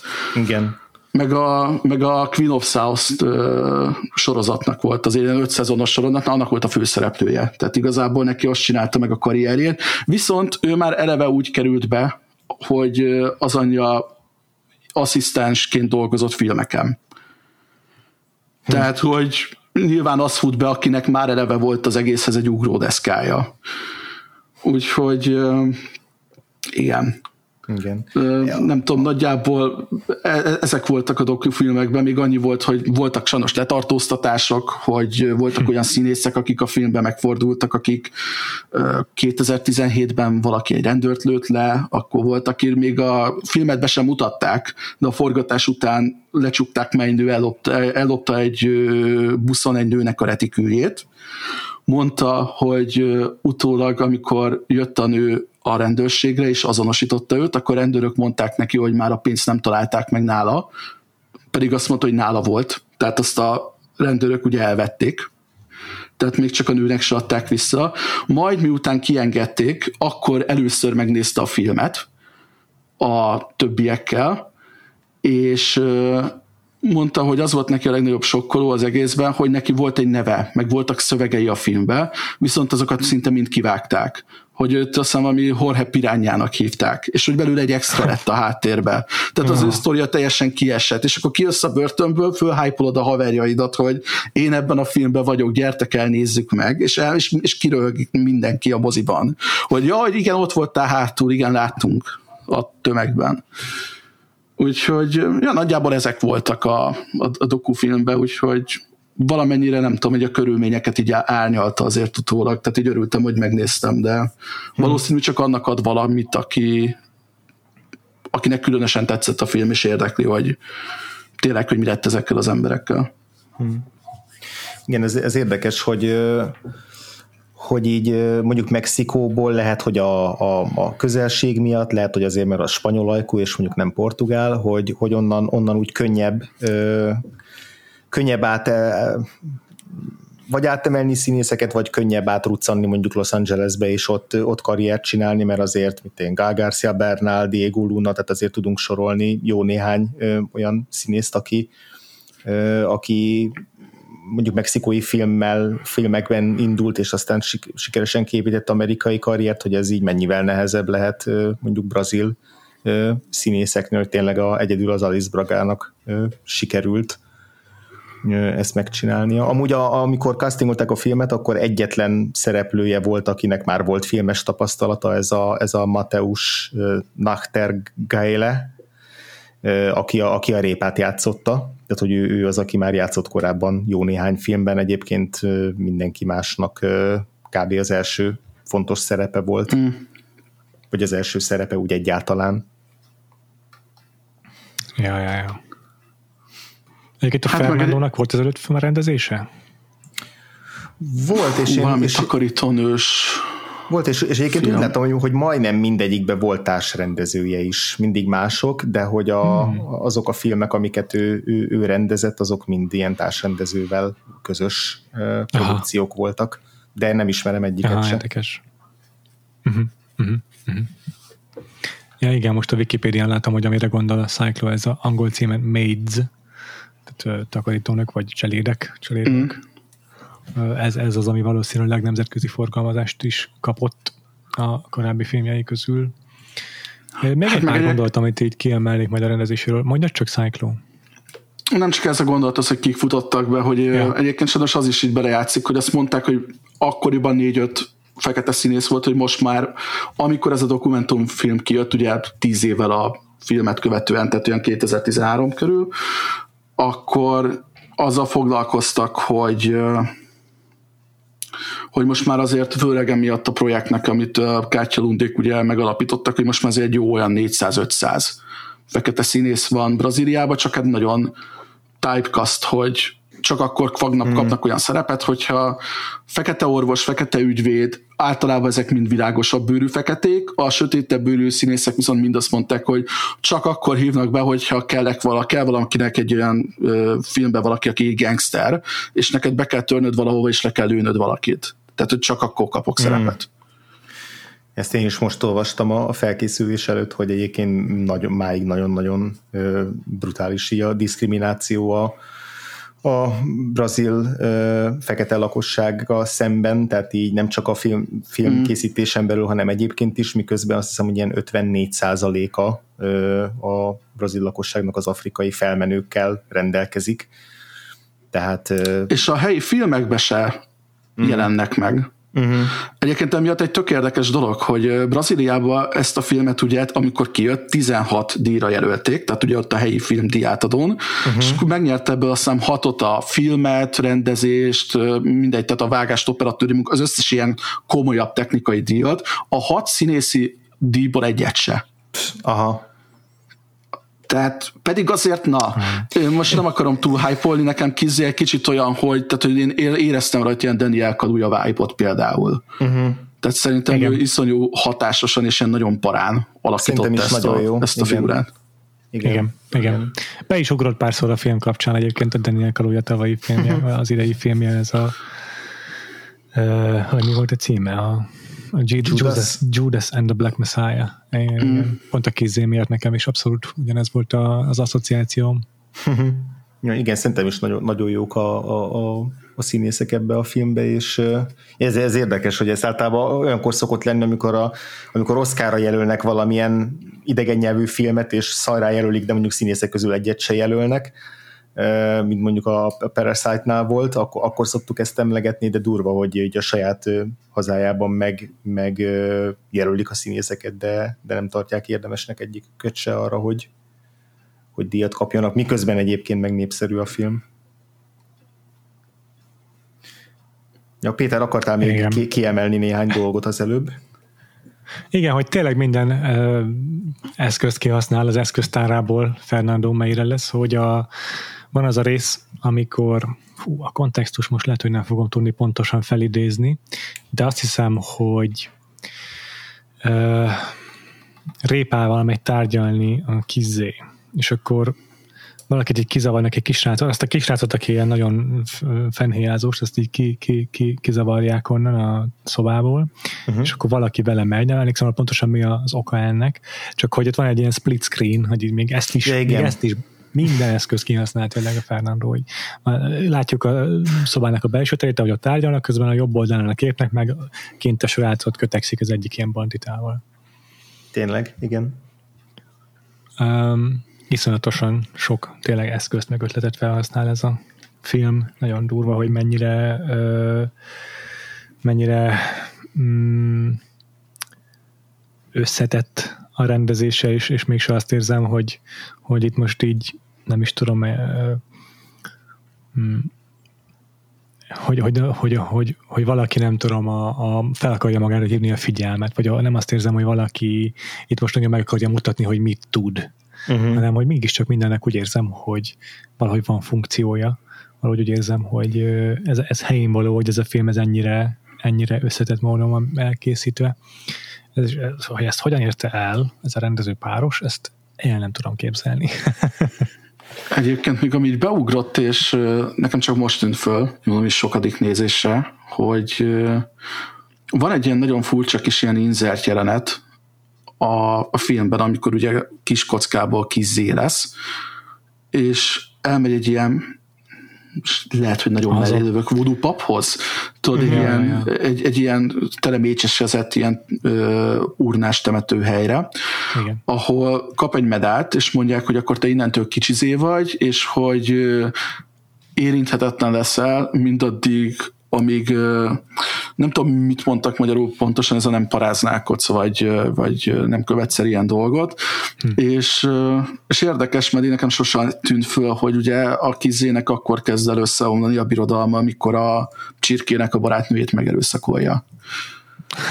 Basszus. És, és ott be is van vágva róla egy ilyen kép, hogy csak mutatják ugye a mesztelen melkasát, és így lóg, lóg rajta ez a medál, ez a nyaklánc, amit akkor kapott az öregtől.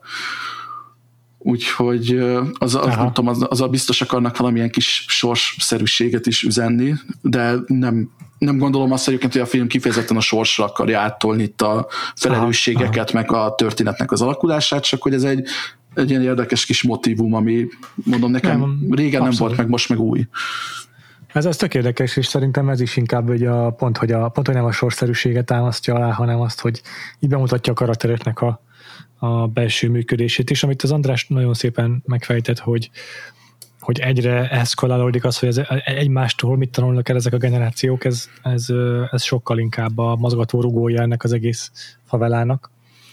Az, hogy itt a, kis Z egy ilyen útra valót kap magának, ez szerintem így az ő frusztrációját fokozza. Tehát végig egy ilyen figura, aki irigykedik a, a azokra a barátai, akiknek összejött valamilyen csaj. Tehát hogy, ez lehet inkább ott benne. A, nem pedig az, hogy ott a... a Persze. Amikor, a... Hát, ja, de igen, attól meg egy tök jó, tök jó képi motivum, meg egy tök jó, tök jó kis uh, metafora, igen. De az, egyébként az nagyon jó, amit mondasz, mert az, az, azt megint imádom, hogy ugye ezt kifejtik, hogy neki ugye kikkel volt baja, tehát a, a Benny-nél azért volt egy ilyen, hogy a Bennyt miért szeretik, tehát hogyha itt nálam van a hatalom, őt miért kedvelik. Meg amikor Aha. a Csirke még csak egy ilyen kis passzív karakter volt, hogy miért neki van barátnője, miért tud magának mindig új lányt szerezni. Engem, tehát hogy a, mert mondták, hogy ugye a kizé csak akkor, hogyha valakit megfenyeget vagy, vagy igazából a hatalmát használja. Tehát neki ez volt az egyetlen egy eszköztára. Ő ezen kívül nem tudod sehogy máshogy szót érteni emberekkel. Uh-huh. Meg a gondolatom... Mondjad, mondjad, mondjad. Nem, az mellékvágány, azért mondom, Jó. hogy mondja nyugodtan. Akkor egy gyors gondolat csak az Andrásnak a teóriájához, hogy a szépen körbeér a sztori, amikor kizzét lelövik a fiatal tolva gyerekek hogy ők is tényleg a, a egyre fokozódó erőszakot látják az előző, a, a már idősebb gyerekeken igazából, mert hogy a kizzék sem matadok nagyon felnőttnek, és a, a ahogyan ott végeznek vele, arra, hogy a répa buzdította őket, de hogy úgy távoznak onnan, hogy mostantól miénk a hát ha nem is az egész favela, de hogy az övék a, övék a turf, tudjátok, az övék a terület mostantól, és ők, ők az urak. Tehát az, tényleg a leg, leg lesújtóbb ilyen záróképe ennek, a, ennek az eszkalálódó erőszaknak. Igen. Igen, és ott is van egy ilyen nagyon fekete humora a filmnek, amikor mondja az egyik gyerek, hogy ez a ki tud közületek írni. Hát én valamicskét talán, és akkor oké, akkor csináljunk fekete listát, írjuk ki az egész társaságot, akit fölírunk rá.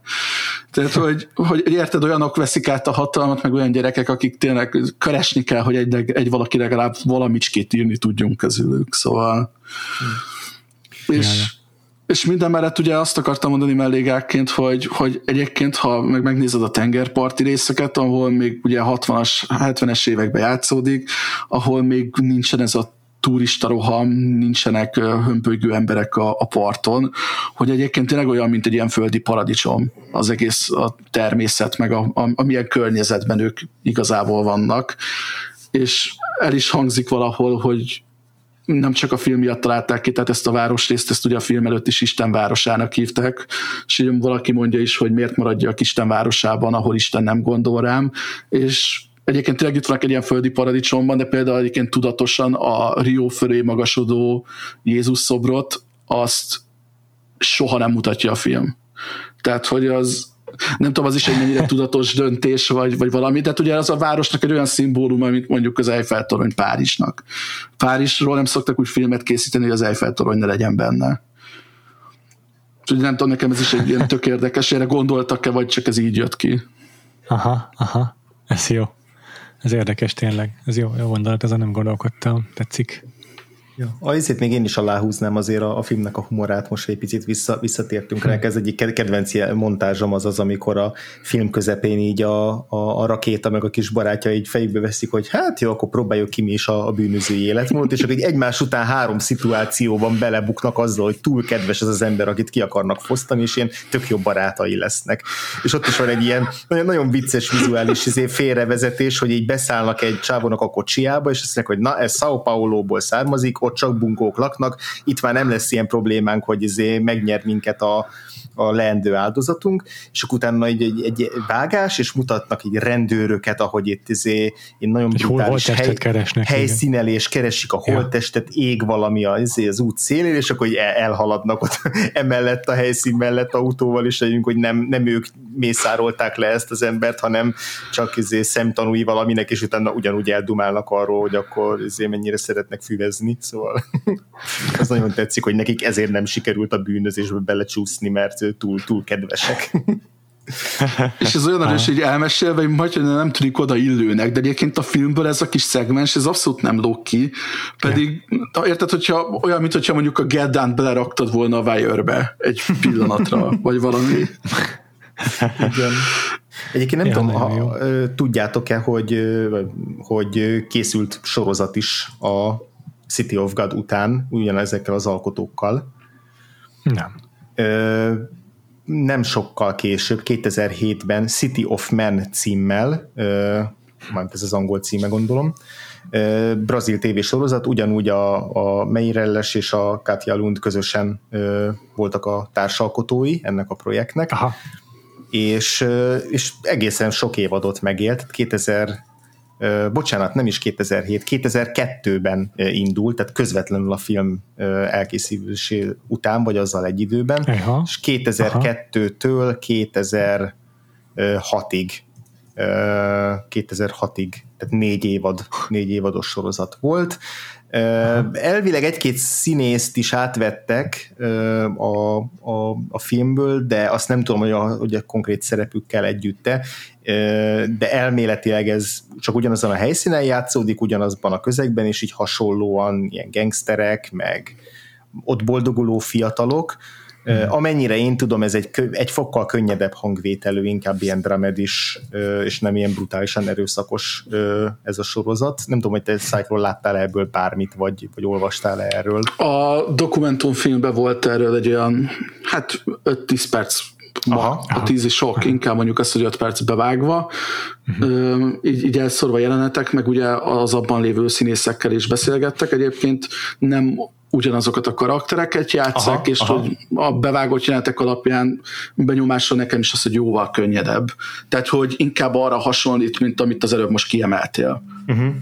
De állítólag egyébként ez is, ez is nagyon jó, tehát amit olvastam róla, ezt is kifejezetten dicsérik, hogy ugyanilyen karaktercentrikus tudott maradni, mint a, mint a film, csak hogy más a, a stílusa, viszont készült utána egy film a, a sorozatnak a szereplőivel, meg a sorozat alapján, ami ugyanúgy City of Men címet visel, viseli, az már állítólag nem annyira jó, azt már nem is a melyre rendezték, Uh-huh. És mindezek után még volt egy rebootja, vagy egy folytatása a sorozatnak 2017-ben és 18-ban, ami, ami a, a sorozatnak a szereplőit vette elő újra, de hogy most már nem kamaszok, hanem szülők és az ő gyerekeikről szól részben a sorozat, meg gondolom akkor megint csak ez a generációs ilyen körforgás, hogy akkor akkor ők vajon meg, megúszszák-e a bűnt úgy, mint a szüleik, vagy hát nem tudom, hogy, hogy pont csak feltételezem, hogy ez lehet a, a koncepció, de nagyon érdekes, hogy ilyen elképesztően hosszú, aktív utóélete van ennek a filmnek, és nem csak annyi, hogy maga a film az, az Igen, még mindig tényleg. népszerű.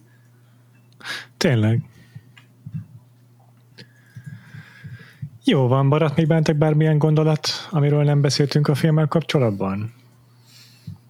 Mm, nekem csak egy, egy motivum jutott eszembe, hogy, hogy itt a ugye rendőrségnek a szerepe, vagy a nem tudom, a, a törvénynek a mm. szerepe is így érdekes. Nem annyira hangsúlyos a filmben, inkább az a hangsúlyos, hogy a, a rendőrségnek a hiánya, tehát hogy legfeljebb néha megjelennek üldözni a szereplőinket, de néha lelövik őket, máskor abszolút izé, teljesen töketlenek, de hogy de talán leg, leg érdekesebb a, a film végén, amikor, uh, amikor így lejattolnak a, a kis zével a banda háború végén, uh, és akkor én, én azt hittem, nem mhm. emlékeztem pontosan, hogy mi lesz a kis zének a sorsa, csak az, hogy meghal, de én azt hittem, hogy ott ezek a rendőrök lövik agyon, és azt kapja pont lencse végre majd a, a, a rakéta, de hogy nem, hanem utána a, a gyerekek azok, akik, akik lemészárolják, és akkor van ez a kis dilemmája a, a rakétának, hogy most akkor melyiket adja be az újságnak a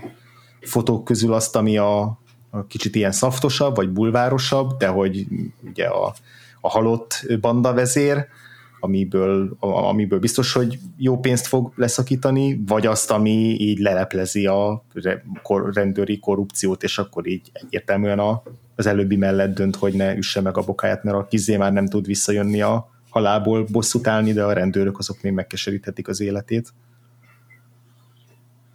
Szóval érdekes, hogy benne van ez a kis motivum is, a, a, ha, ha már a drótról beszéltünk ennyit párhuzamként, akkor Igen. benne van ez is a filmben, de igazából ez tényleg szerintem csak nagyon a háttérben egy-egy, egy-egy pillanatra jön elő, hogy hát igen, itt vannak a rendőrök, akik korruptak. Hát meg ugye a másik ilyen szál, amikor a kizé valami fegyverneppertől akar fegyvereket szerezni. Igen. És a fegyvernepper is a zsaruk kezében van, és akkor a fegyverneppert le is lövik. Igen, igen, de hogy a film elején is ugye felbukkannak a, még a 60-as években is a rendőrök, de hogy igazából csak akkor tudnak bármit csinálni, hogy amikor valaki a, a favelából besúg nekik, egyébként gözük sincs, hogy mi történik a favelában, és kb. le is szarják őket. Hát meg ott is van a két rendőr között egy ilyen, az is ilyen tragikomikus beszélgetés, amikor az egyik, hogy el kéne kapnunk őket, rengeteget szakik, szakíthattak ebből a moteles melóból, és akkor ah, nekem, nekem kell a pénz, én csak le akarom őket lőni. Mm. Tehát ez a két nagyon jó indokból vagyunk benne, de tényleg. Igen. Igen, igen. Viszont láttátok ti az end credits jelenetet? Nem. Mm-mm. Van az end creditsben egy olyan apró kis bevágás, ami ja, az, nagyon az fura. a TV felvétel? Igen, a TV felvétel, viszont ja, az nem ugyanaz, mint ami a színésszel föl van véve, ugye? Na, Tehát az amikor megint csak ilyen, na, arról full beugrott megint a Judas and the Black Messiah egyébként. tényleg, tényleg, de jó. Tényleg, tehát hogy akkor ez egy, gondolom én is úgy értelmeztem, hogy akkor ez egy valósan megtörtént valami, amit kicsit beleremixelve beletettek Igen. a csirke sztoriába. És akkor az end credits alatt meg a... Aha, jó. Mert elvileg valami könyvből készült a film, szóval lehet valóság alapja annak a, hát nem tudom, hogy a főszereplő karaktere, tehát a rakéta valóságból származik-e, de hát egy könyvfeldolgozás, és gondolom az egy ilyen valós sztori. Uh-huh. És akkor gondolom, hogy a karakterek egy része az, az, az szintén a e, valóságból érkezik. Nem tudom, egyébként ennek nem néztem utána, hogy a könyv az e, e, hát annyit a könyvről azt írják, hogy, hogy hogy valós eseményeken alapul a cselekmény egy része, tehát ilyen loosely based, mm. de amúgy Gondolom, regény. Valószínűleg nem annyira, mint a, izé a hogy ilyen Nicolas Pileggi, aki a izét, vagy Pileggi, aki a nagymenőket írta. Gondolom, hogy ennél egy, még egyel kevésbé konkrét. De... Igen. Hát a szerzője ez a Paulo Linz, vagy Lynch, nem tudni.